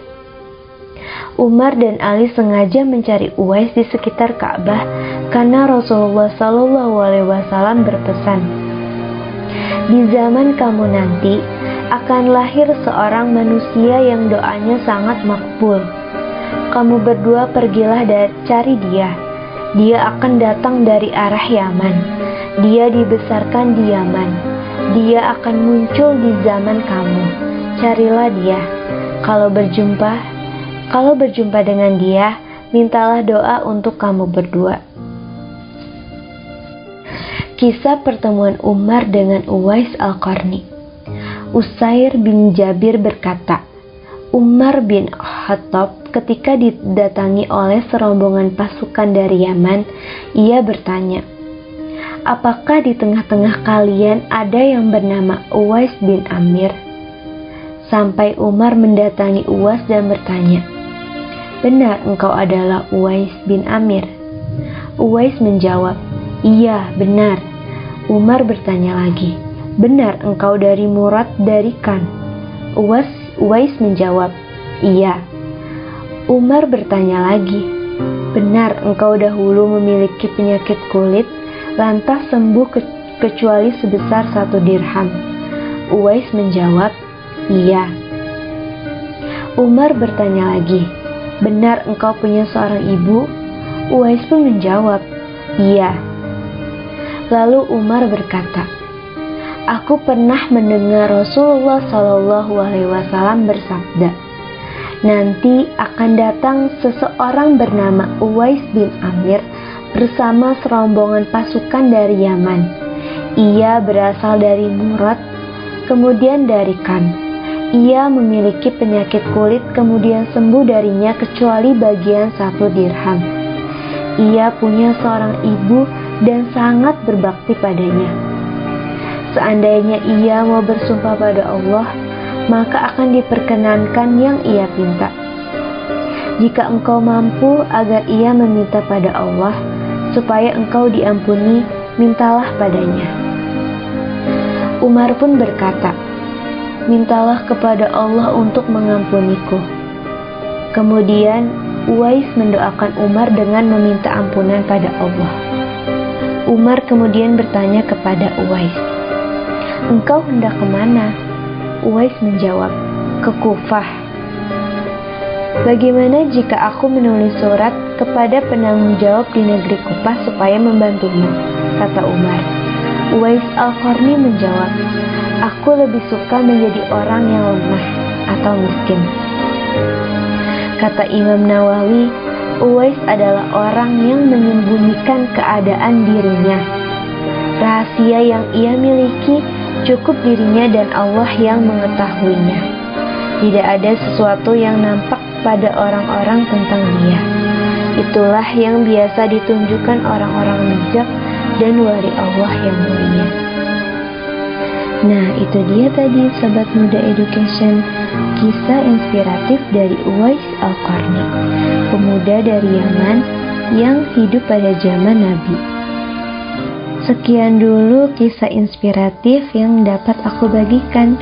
Semoga kisah inspiratif ini menjadi inspirasi buat kita semua dan bisa kita terapkan juga kita lakukan di kehidupan kita sehari-hari. Saya Anissa pamit undur diri. Sampai jumpa lagi di episode-episode Neo Radio selanjutnya. Wassalamualaikum warahmatullahi wabarakatuh. Neo Radio. Radio masa kini.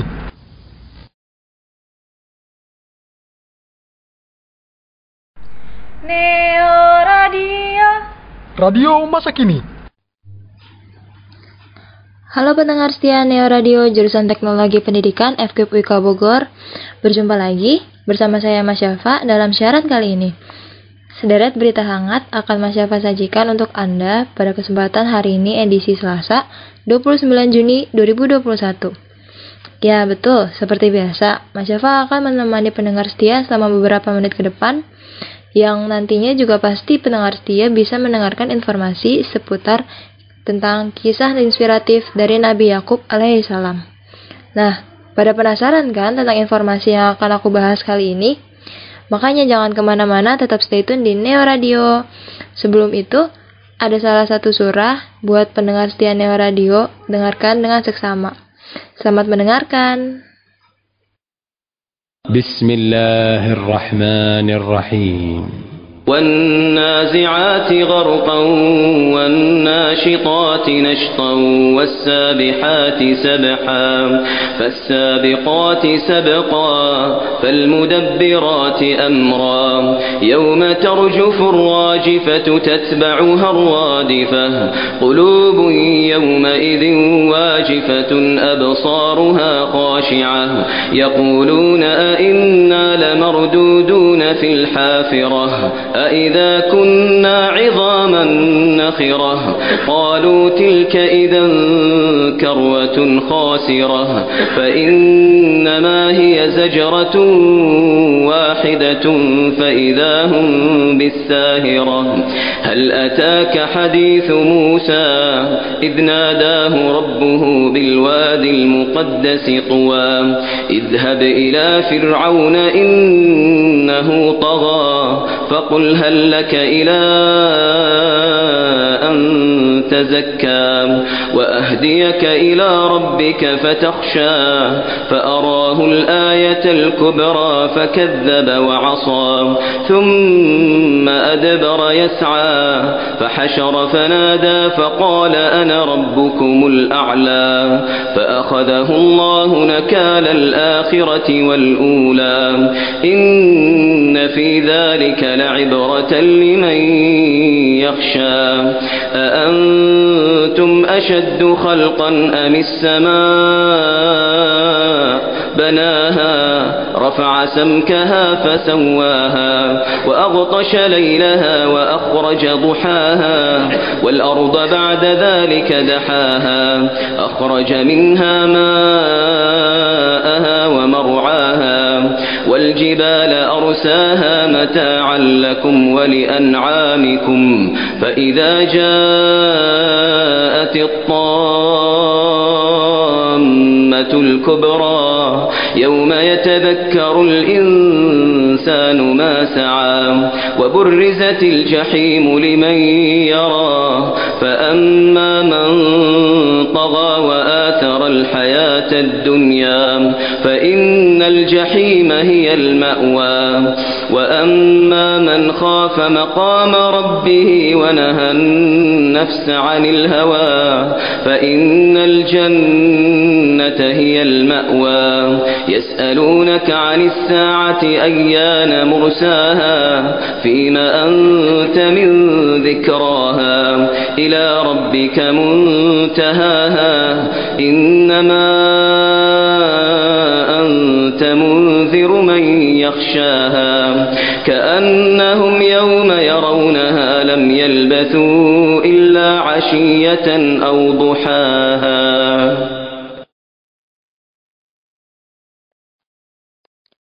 Dikutip dari inewsjateng.id, kisah Nabi Yakub alaihissalam patut dijadikan contoh bagi para orang tua dalam mengasuh dan mendidik anak. Nama Yakub karena ia lahir dalam keadaan memegang tumit saudaranya. Nabi Yakub diangkat Allah menjadi seorang rasul. Ia juga disebut Israel karena Nabi Yakub sering kali melakukan perjalanan di malam hari. Nabi Yakub alaihissalam termasuk yang disebutkan oleh Nabi Muhammad SAW sebagai Al-Karim Ibnu Al-Karim Ibnu Al-Karim Ibnu Al-Karim. Hadis riwayat Al-Bukhari. Ketika memuji keturunan Nabi Yusuf alaihissalam karena keempat keempat empat nama tersebut adalah silsilah empat orang nabi yang tidak terputus yang mulia anak yang mulia anak yang mulia anak yang mulia Yusuf anak Yakub anak Ishak Nabi Ibrahim alaihissalam Kelahiran Yakub telah disampaikan oleh para tamu Nabi Ibrahim yang terdiri atas beberapa malaikat dan istri sahnya. Istrinya Sarah. Saat itu, para malaikat diutus untuk memberitahukan ke Nabi Lut tentang azab yang akan ditimbakan ke kaumnya karena berbuat di luar batas dengan berperilaku seks menyimpang, menyukai sesama jenis. Kisah Nabi Yakub ini Terangkum dalam Al-Quran di antara surat Maryam, surat Hud, surat Al-Anbiya, surat Syad, surat Al-Ankabut, dan surat As-Sofat. Di sana Allah bersiman, berfirman, maka ketika Ibrahim sudah menjauhkan diri dari mereka dan dari apa yang mereka sembah selain Allah, kami anugerahkan kepada Ishak dan Yakub, dan masing-masingnya kami angkat sebagai nabi.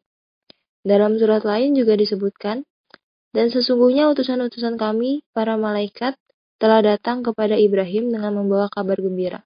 Mereka mengucapkan, Selamat. Ibrahim menjawab, Selamatlah. Maka tidak lama kemudian Ibrahim menyuguhkan daging anak sapi yang dipanggang. Quran Surat Hud ayat 69 Maka tak kala dilihatnya dengan mereka tidak menjamahnya, Ibrahim memandang aneh perbuatan mereka dan merasa takut pada mereka. Malaikat itu berkata, Jangan kamu takut, sesungguhnya kami adalah malaikat-malaikat yang diutus kepada kaum Lut. Dan istrinya berdiri di sampingnya, lalu dia tersenyum. Maka kami sampaikan kepadanya kabar gembira tentang kelahiran Ishak dan sesudah Ishak, lahir pula Yakub. Istrinya berkata, sungguh mengherankan, apakah aku akan melahirkan anak padahal aku adalah seorang perempuan tua? Dan ini suamiku dalam keadaan yang sudah tua pula. Sesungguhnya ini benar-benar sesuatu yang aneh. Para malaikat itu pun berkata, Apakah kamu merasa heran tentang tentang ketetapan Allah Rahmat Allah dan keberkatannya dicurahkan di atas kamu. Hai ahlul bait. Sesungguhnya maha terpuji lagi maha ter, malah maha pemurah. Sesungguhnya Allah maha terpuji lagi maha pemurah. Lalu selanjutnya ada kami beri dia kabar gembira dengan kelahiran Ishak, seorang nabi yang termasuk orang-orang saleh. Itu ada Quran surat As-Saffat ayat 112 sampai dengan 113. Dan ketika Nabi Yakub berselisih dengan saudara kembar itu, ibunda mereka berdua menasihati si bungsu untuk pergi menjauhkan diri ke tempat saudara bapaknya di di Haran, Irak. Keluarga Nabi Ishak alaihissalam ketika itu tinggal menetap di Palestina. Itu bermakna Nabi Yakub pergi ke tempat asal datuk baginda Nabi Ibrahim alaihissalam. Tiba di Haran, Yakub mudah berjumpa dengan saudara bapaknya yang bernama Laban ibnu Batuel, saudara laki-laki Bunda beliau. Di rumah Laban, Yakub termasuk Yakub tertarik hatinya dengan anak perempuan bungsu Laban yang bernama Rahil atau Rachel. Yakub lalu mengutarakan hasratnya dan Gayung pun bersambut dengan hasrat yang harus bekerja dengan Laban selama tujuh tahun. Yakub menyanggupi dan dan maka selama tujuh tahun Yakub bekerja di situ demi bisa memetik buah hatinya. Lalu apa yang terjadi tujuh tahun kemudian? Sebelum dilanjutin, aku bakal ngasih kalian beberapa lagu. Tetap stay tune di Neo Radio. FKP Bogor.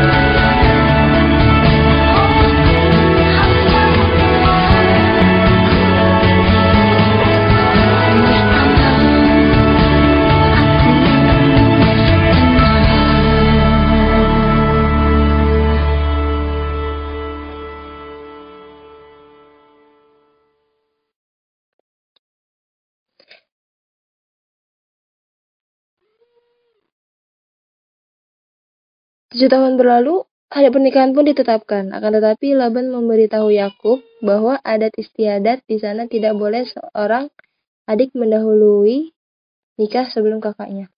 Jadi, Yakub mesti nikah dengan kakak Rahil dulu, yaitu Laya atau Leah. Laban merencanakan jika Yakub mau tetap nikah dengan Rahil, maka dia harus bekerja tujuh tahun lagi. Ini pun disanggupi Yakub. Ketika itu, belum ada larangan menikah ki kakak beradik, dan ini dimasukkan oleh kitab Taurat kelak pada zaman Nabi Musa alaihissalam. Bahkan Yakub kemudian dihadiahi budak oleh Laya dan Rahil, sehingga baginda mempunyai empat seorang istri di Haran.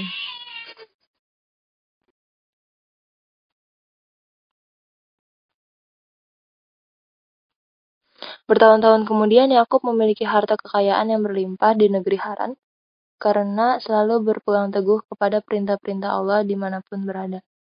Nabi Yakub juga tidak mengikuti kebiasaan penduduk negeri di sekitarnya.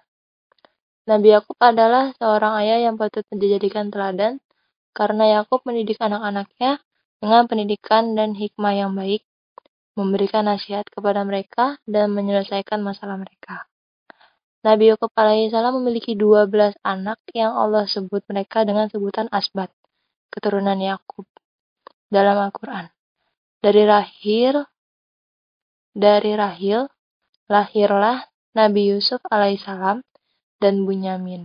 Dan dari Laya, lahirlah Rubil, Syamun, Lawi, Yahuda, Iskar, dan Zabilon. Dari budak milik Rahil dari budak milik Rahil dan lahir Naftali serta dari budak milik Laya lahir Jad dan Ashir. Nabi Yakub juga mempunyai seorang anak perempuan bernama Dina. Dari 12 anak itu, Nabi Yakub memberi perhatian terhadap Yusuf lebih yang kelak meneruskan risalahnya menjadi nabi. Nabi Yusuf lahir di Syam dari rahim Rahil, istri kedua Nabi Yakub alaihissalam. Yusuf dikenal orang yang bijaksana, tampan, dan bisa menafsirkan mimpi. Dalam surat Yusuf ayat 4 Allah Subhanahu wa taala berfirman, "Ingatlah ketika Yusuf berkata kepada Allah, "Wahai ayahku, sesungguhnya aku bermimpi melihat sebelas buah bintang, matahari dan bulan, kulihat semuanya sujud kepadaku." Ibnu Abbas mengatakan bahwa mimpi pada Nabi adalah wahyu. Ulama tafsir telah membahas tentang makna mimpi ini, bahwa ungkapan sebelas bintang dimaksudkan adalah saudara-saudara Nabi Yusuf dan jumlahnya keseluruhannya ada 11 orang. Jumlah anak Nabi Yakub ada 12 termasuk Nabi Yusuf. Takwil mimpi Nabi Yusuf itu baru di baru terrealisasi sesudah selang 40 tahun kemudian. Pendapat lain mengatakan sesudah 80 tahun. Dan demikian itu terjadi ketika Nabi Yusuf mempersilahkan kedua orang mempersilahkan kedua orang tuanya untuk menduduki kursi singgasananya sedangkan semua saudaranya berada di hadapannya. Dan mereka semuanya merebahkan diri seraya sujud kepada Yusuf dan berkata kepada Yusuf, Wah, dan berkata Yusuf, Wahai ayahku inilah tabir mimpiku yang dahulu itu. Sesungguhnya Tuhanku telah menjadikannya suatu kenyataan. Surat Yusuf ayat 100. Dan Rasulullah bersabda setelah Yusuf melihat mimpinya itu, ia menceritakannya kepada ayahnya Yakub. Maka Yakub berkata kepadanya, ini merupakan suatu perkara yang berpecah belah. Lalu Allah menghimpunkannya kembali sesudah itu. Matahari adalah ayahnya, sedangkan bulan adalah ibunya.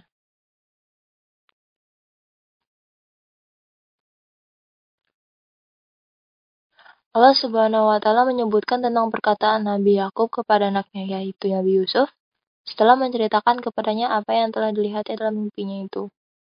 Mimpi itu berarti bahwa kelak semua saudara Yusuf akan tunduk dan menghormatinya dengan penghormatan yang sangat besar. Karena kelak mereka akan bersujud kepadanya demi menghormati, mengagungkan, dan memuliakannya. Mendengar penuturan Yusuf, ayahnya Yakub merasa khawatir bila Yusuf menceritakan mimpinya itu kepada saudara-saudaranya. Karena mereka pasti akan merasa dengki terhadapnya lalu mereka akan membuat tipu daya untuk membinasakannya. Kasih sayang Yakub kepada Yusuf membuat iri hati saudara-saudaranya. Hal ini dikisahkan dalam Al-Quran. Sungguh Yusuf dan saudaranya, saudara kandungnya, Bunyamin, lebih dicintai oleh ayah kita daripada kita sendiri. Padahal kita ini adalah satu golongan yang kuat. Sesungguhnya ayah kita adalah dalam kekeliruan yang nyata. Bunuhlah Yusuf atau buanglah dia ke daerah yang tidak dikenal. Supaya perhatian ayah kalian tertumpah pada kalian saja dan sesudah itu, hendaklah kalian menjadi orang-orang yang baik. Seorang di antara mereka berkata, Janganlah kalian bunuh Yusuf, tetapi masuklah ke dalam sumur, supaya dia dipungut oleh beberapa orang musafir, jika kalian hendak berbuat. Setelah mereka bersekongkol untuk mengambil Yusuf dan akan membuangnya ke dasar sumur, lalu mereka datang menghadap ayah mereka. Dan, mereka berkata, Wahai ayah kami, apa sebabnya kamu tidak mempercayai kami terhadap Yusuf? Padahal sesungguhnya kami adalah orang-orang yang mengingini kebaikan baginya. Berkatalah Yakub, sesungguhnya kepergian kalian bersama Yusuf amat menyedihkan dan aku khawatir kalau-kalau dia dimakan serigala, sedangkan kalian lengah darinya. Menurut suatu pendapat, sesungguhnya Yakub alaihissalam ketika melepas Yusuf pergi bersama mereka terlebih dahulu memeluk, menciumi, dan mendoakannya. Wallahu alam bisawab.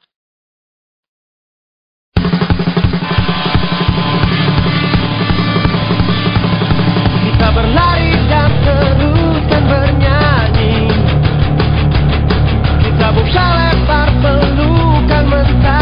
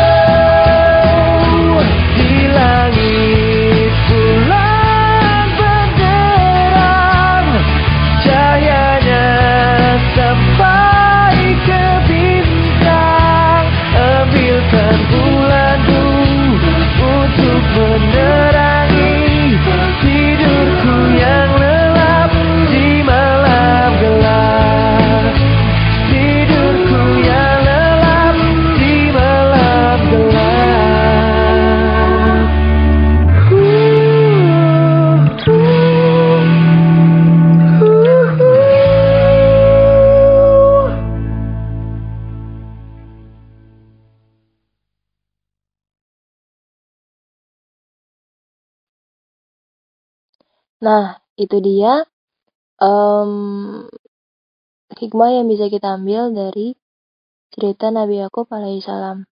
Semoga informasi yang tadi kami berikan, Mas Syafa berikan kepada kalian pendengar setia Neo Radio dapat bermanfaat dan dapat diambil hikmahnya. Baiklah, kami dari Neo Radio pamit undur diri. Ada saya, Syafa sebagai penyiar dan sekaligus pembuat narasi informasi kali ini. Berterima kasih untuk waktunya. Sampai jumpa lagi di Neo Radio. Tetap stay tune di Neo Radio tiap jam 1 siang hari Selasa.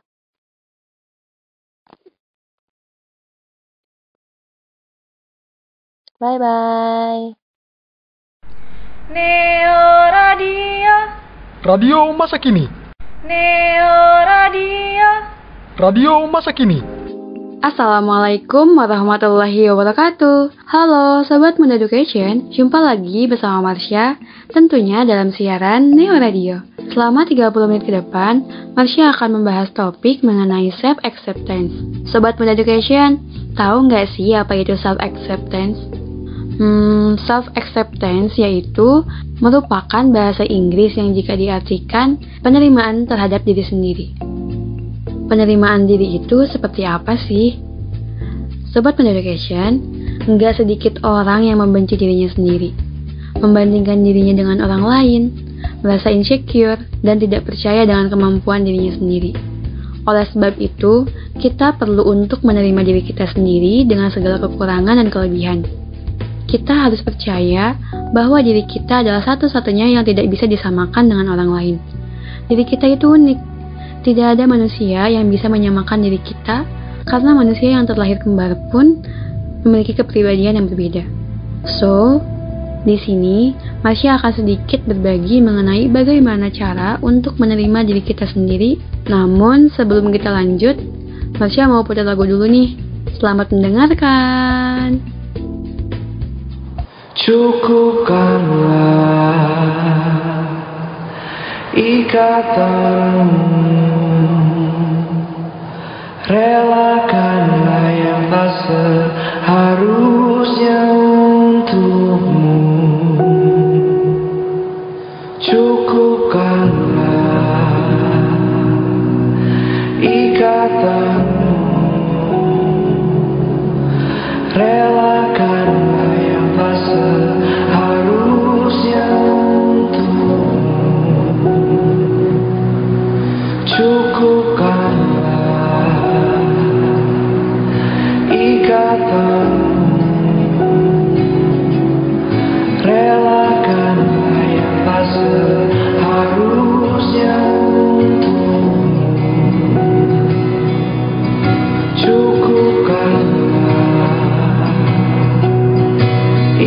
ikatanmu Relakanlah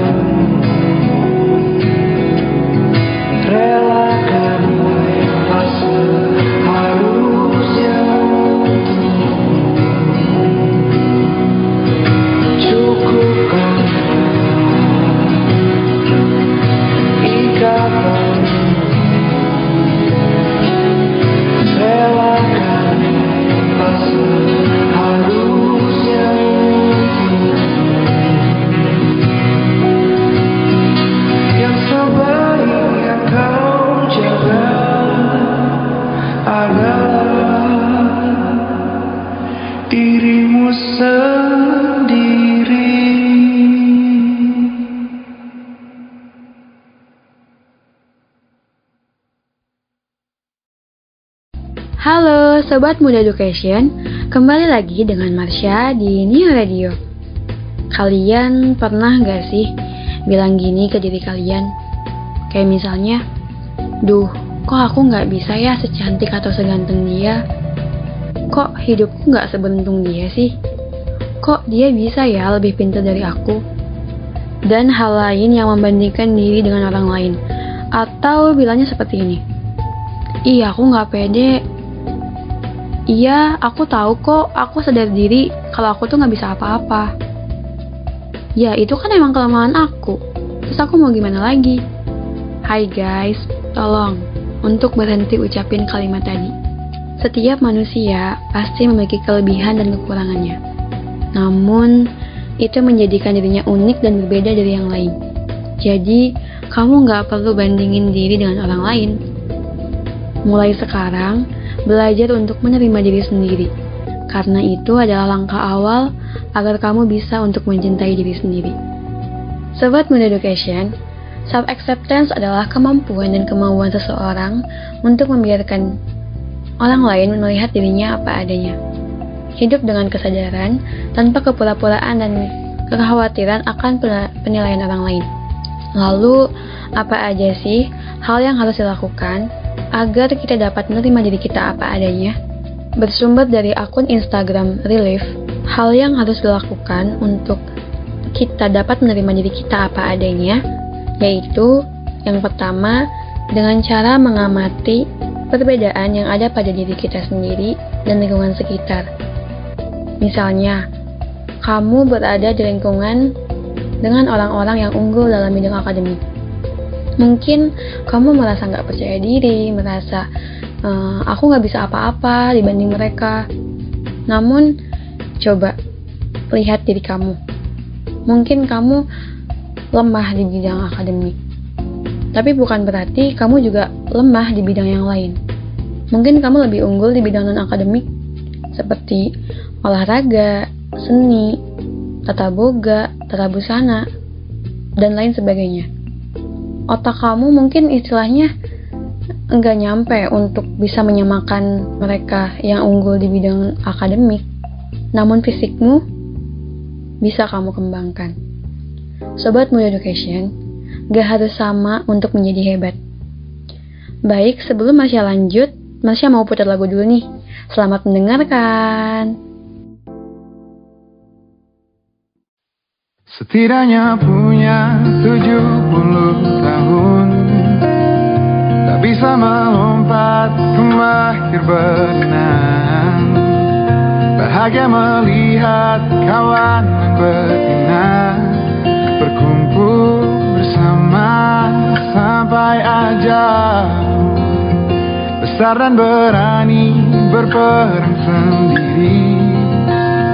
Yang aku hindari hanya semua kecil Otak ini cerdas ku rakit perangkat Wajahmu tak akan pernah ku lupa. Waktu kecil dulu mereka menertawakan. Mereka panggilku gajah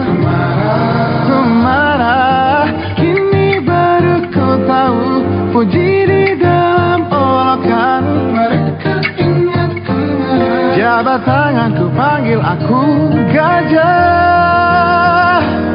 Kau temanku Kau doakan aku. Punya otak cerdas Aku harus tangguh Bila jatuh Gajah lain membantu. Tubuhmu di situasi Inilah jadi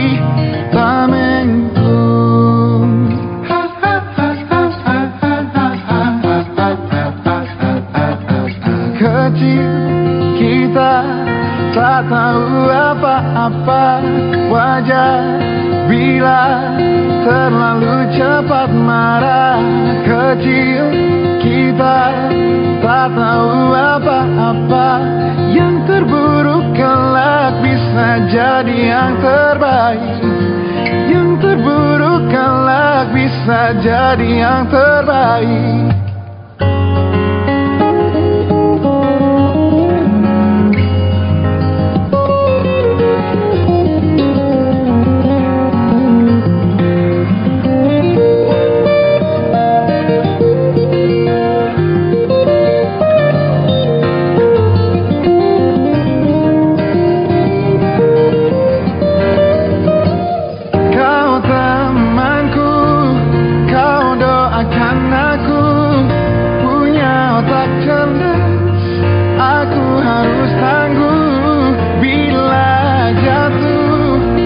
gajah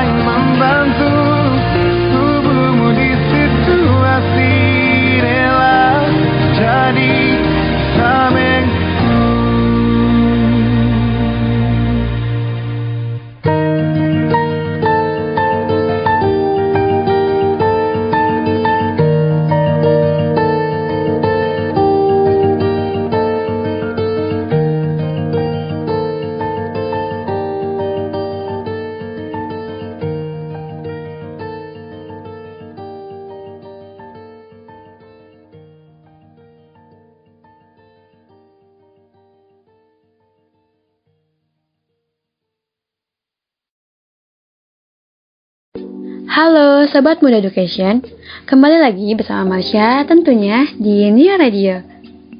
Nah, langkah selanjutnya yaitu memahami bahwa dirimu unik dan berbeda dari orang lain. Karena tidak ada orang yang sama, tiap orang punya karakter dan uniknya masing-masing. Kemudian, kamu dapat menemukan hal baru yang sebelumnya kamu terima begitu saja. Misalnya, seperti kamu sebelumnya meyakinkan diri kamu dengan bilang, Iya kan aku mah gak bisa apa-apa. Coba deh pikir lagi, yakin gak bisa apa-apa. Mungkin kamu bilang gak bisa apa-apa karena kamu membandingkan diri dengan orang lain.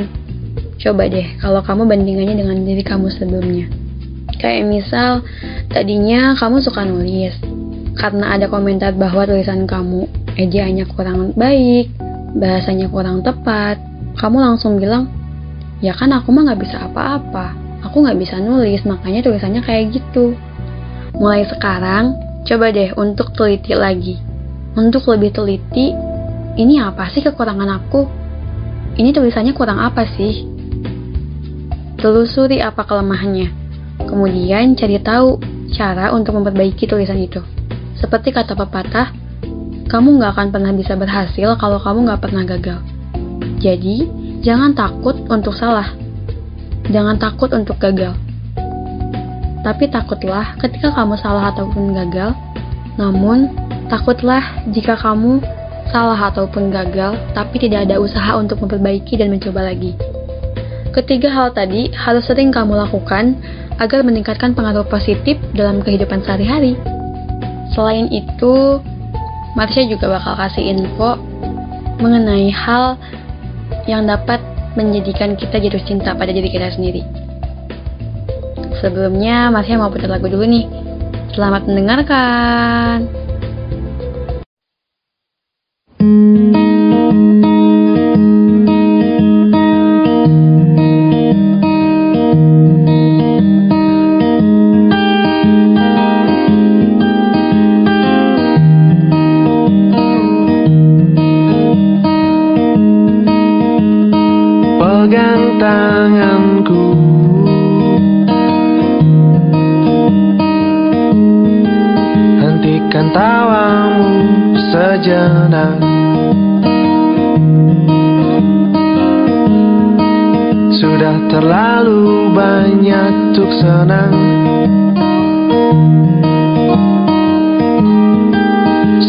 saatnya merenung dan bersyukur.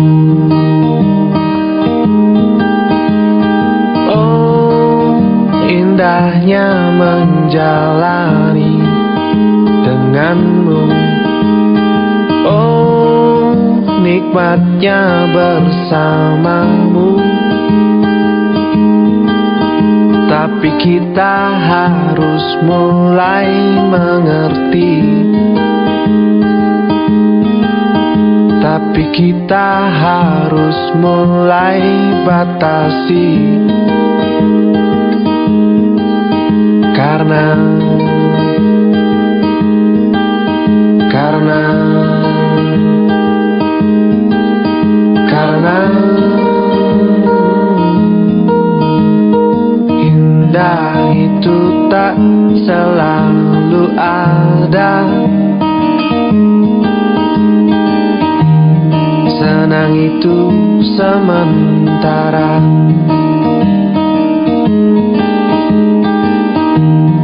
Jika senang jangan terlalu.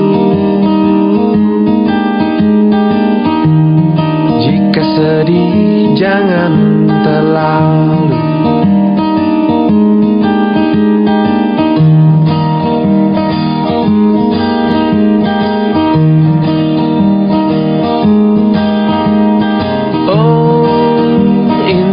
indahnya menjalani denganmu.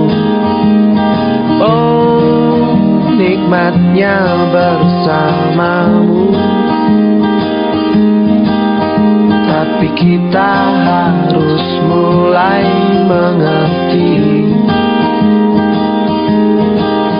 Tapi kita harus mulai batasi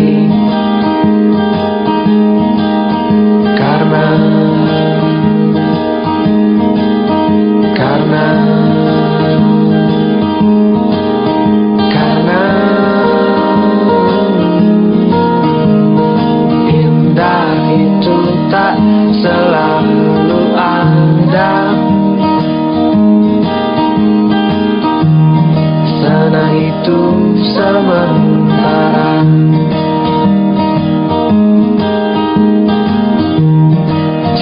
Jika senang jangan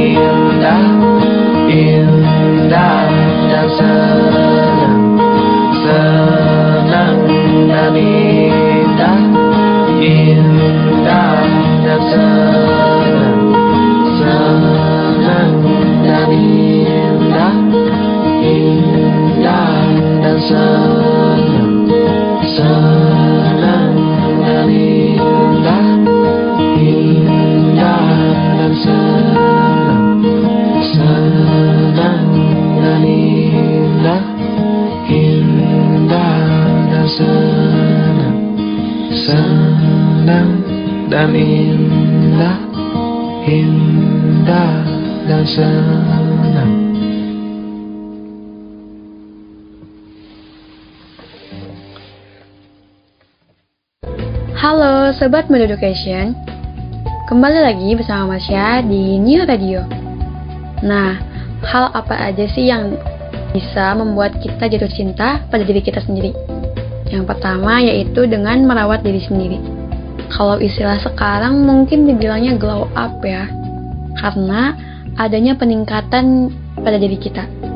Bukan hanya soal fisik Namun seperti kemampuan atau luasnya pengetahuan, perkembangan pikiran, dan lain sebagainya.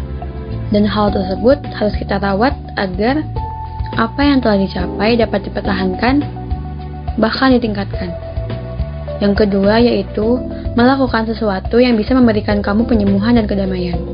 Misalnya, kamu merasa insecure atau merasa tidak percaya diri di hadapan orang-orang yang unggul dalam bidang akademik. Kamu dapat memberikan diri kamu penyembuhan atau kedamaian dengan cara kamu keluar dari circle itu.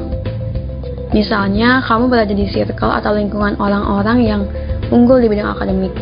Mungkin demi penyembuhan dan kedamaian diri kamu agar kamu nggak ngerasa insecure lagi, kamu bisa keluar dari circle atau lingkungan itu. Kamu mungkin bisa bergabung dengan orang-orang yang sehobi dengan kamu. Misalnya kamu hobinya dengan seni, bermusik, atau kamu hobinya masak atau mendesain, kamu mungkin bisa gabung dengan mereka yang istilahnya setara dengan kemampuan kamu.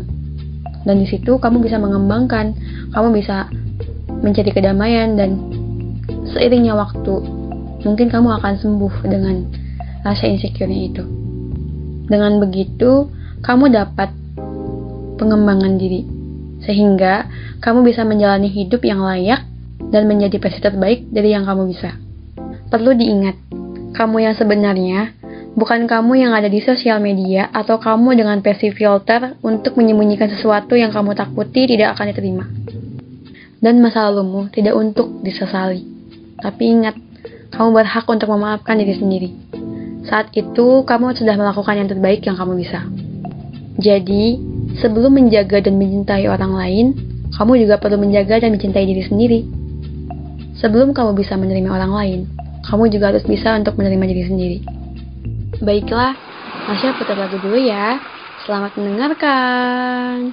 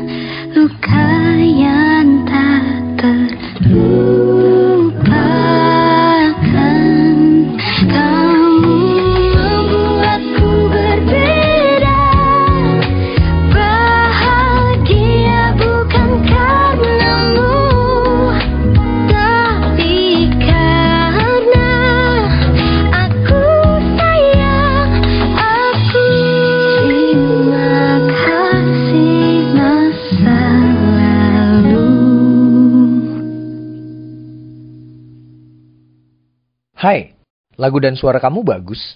Wah, makasih kak. Semoga suatu hari kita bisa kolaborasi ya. Boleh? Jika kamu tertarik, ini kartu nama saya. Nah, gimana nih Sobat Muda Education mengenai pembahasan self-acceptance atau penerimaan diri sendiri? Semoga pembahasan kita kali ini dapat memberi pengaruh positif agar Sobat Muda Education semua dapat memulai mencintai diri sendiri dan lebih karena itu adalah langkah awal untuk penerimaan diri sendiri. Baiklah, terima kasih telah setia untuk mendengarkan siaran kali ini. Demikian topik yang bisa Masya bahas karena 30 menit sudah masih menemani kalian dalam siaran kali ini. Sampai jumpa di siaran selanjutnya. Tetap setia dengan Neo Radio. Radio Jurusan Teknologi Pendidikan FKIP Wika Bogor. Terima kasih. Wassalamualaikum warahmatullahi wabarakatuh. Neo Radio. Radio masa kini.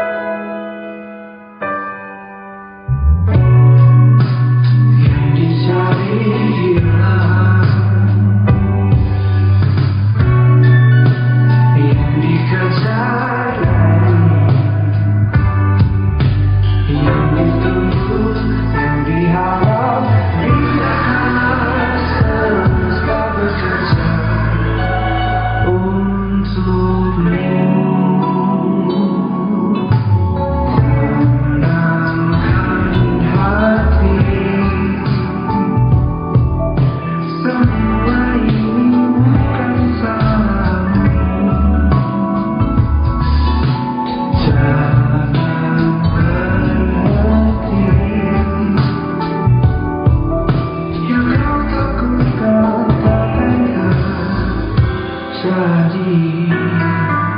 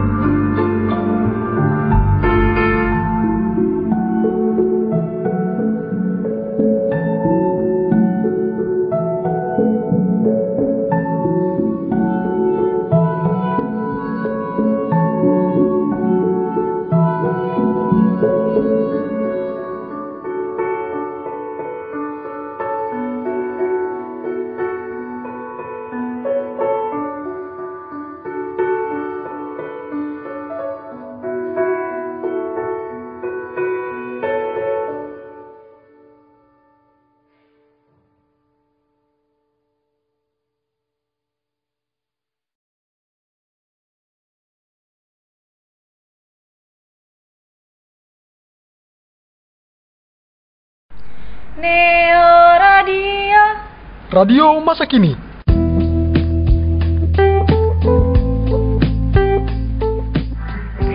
Halo Sobat Muda Education, kembali lagi bersama Dea di sini tentunya di Neo Radio. Nah, apa kabar nih teman-teman? Kalau yang lagi sakit, cepat sembuh ya. Nah, di sini Dea bakal bahas tentang tips hidup sehat. Nah, gimana sih tips hidup sehat itu? Tapi sebelum kita bahas, Dea bakal kasih lagu dulu untuk teman-teman yang ada di rumah. Selamat mendengarkan.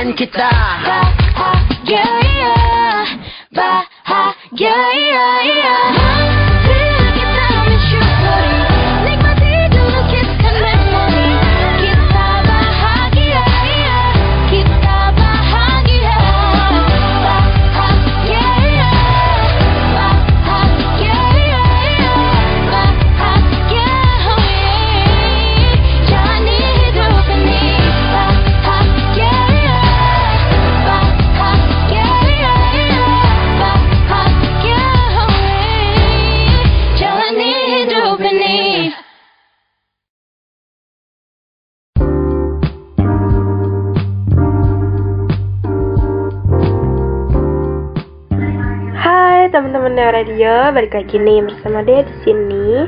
Di sini dia bakal bahas tentang tips hidup sehat. Nah, apa aja sih tips hidup sehat itu? Tips dari aku ada 10 ya, teman-teman. Yang pertama itu perbanyak minum air putih. Pola hidup sehat ini memang sedikit susah untuk dijalankan sebab tidak sedikit orang enggan minum air putih yang tidak mempunyai rasa. Ingatlah bahwa air putih adalah minuman paling baik dari semua minuman yang kita kenal. Lakukan kebiasaan minum air putih sekurang-kurangnya 6 sampai 8 gelas setiap hari untuk melindungi kesehatan ginjal dan saluran kemih. Teman-teman bisa juga memberikan perasan air jeruk untuk membantu mengeluarkan toksin di dalam tubuh. Nah, yang kedua ada kebersihan. Kebersihan sangat mutlak dalam mewujudkan hidup sehat. Misalkan dari mandi dua kali sehari, mencuci tangan sebelum makan, menjaga kebersihan area kamar mandi, menggosok gigi sewaktu bangun dan sebelum tidur, hingga merapikan kamar tidur. Kebersihan rumah secara keseluruhan selalu dapat menjadi ukuran karakter pemilik uh, pemilik tempat tinggal tersebut dan jika semua ruangan kotor maka dapat diartikan bagaimana pemilik rumahnya. Yang ketiga, berpikir positif serta menghindarkan diri dari stres. Senantiasa berpikir positif dapat membuat Anda bahagia serta mewujudkan kesehatan rohani yang terjaga. Berpikirlah ke depan, bersikap optimis, dan tidak lupa bersyukur atas nikmat dari Tuhan. Sambutlah hari esok yang lebih cerah. Nah, yang keempat ada hirup udara segar. Dengan menghirup udara segar berarti teman-teman melindungi kesehatan paru-paru. Kita tak perlu pergi ke pegunungan atau tempat pedesaan hanya untuk memperoleh udara bersih. Pola hidup sehat semacam ini dapat kita lakukan setiap pagi dan berusaha terhindar dari udara tercemar seperti asap rokok. Selain itu, kita juga harus memperhatikan kebersihan perabot rumah misalkan seperti kipas angin, AC, dan lain-lain. Nah, yang kelima ada olahraga. Nah, janganlah terlampau berkonsentrasi pada pekerjaan kita. Sempatkan waktu sejenak buat refreshing atau penyegaran dan olahraga karena di samping melatih otot juga dapat mengurangi kepenatan dan terhindar dari stres. Pola hidup sehat dengan berolahraga sangat efektif bagi semua kelompok umur. Nah, gimana teman-teman? Segitu dulu aja deh ya, lima dulu nih. Dia bakal kasih beberapa lagu dulu buat teman-teman yang ada di rumah. Nanti kita lanjut lima lagi ya. Nah, tetap stay tune dan selamat mendengarkan.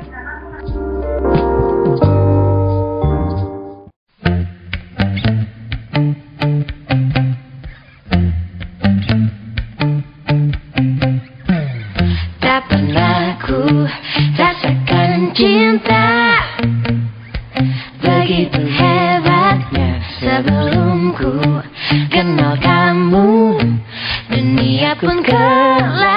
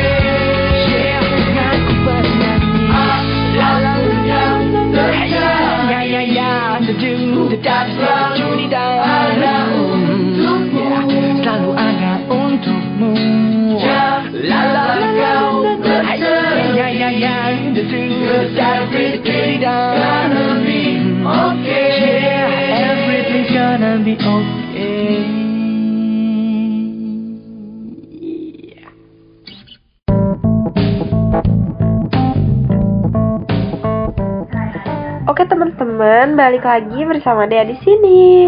Tentunya di Dea Radio. Nah, Dea bakal lanjut pembahasan selanjutnya tentang pola hidup sehat ya. Ada lima lagi yang harus kita bahas. Yang keenam, tips yang keenam itu ada tidur atau istirahat. Istirahat adalah soal pemulihan kesegaran tubuh dengan relaksasi atau tidur. Setiap orang mesti mengatur waktu untuk istirahat. Cobalah Anda ingat-ingat. Coba nih kita ingat-ingat bila orang mengalami sakit, maka tentu memerlukan cukup istirahat. Jika tidak, bagaimana penyakitnya dapat kambuh lagi? Dengan begitu, istirahat wajib bagi kesehatan kita. Nah, yang ketujuh, mewujudkan lingkungan yang sehat. Pola hidup dapat dibentuk oleh lingkungan sekitar.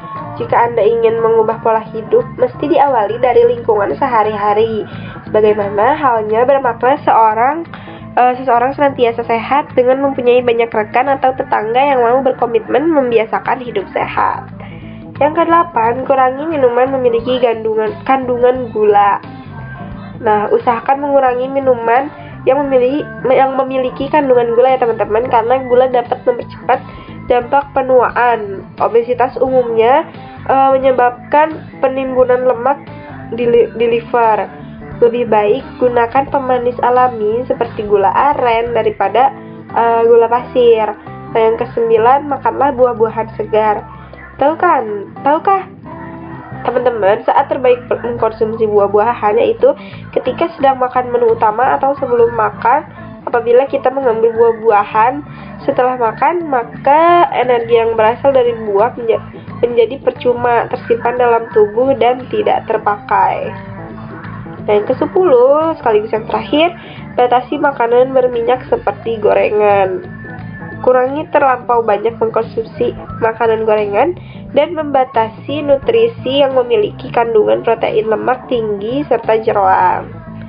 Nah, kayaknya segitu aja sih teman-teman pembahasan kita kali ini. Semoga tips hidup sehat ini bisa diterapkan oleh teman-teman di rumah agar kita semua bisa sehat di tengah pandemi ini. Nah, cukup sekian. Terima kasih ya teman-teman udah ngedeng udah ngedengerin uh, siaran bareng Dea kali ini.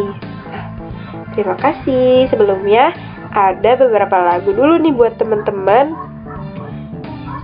untuk sekaligus penutupan kita di siaran kali ini. Selamat mendengarkan.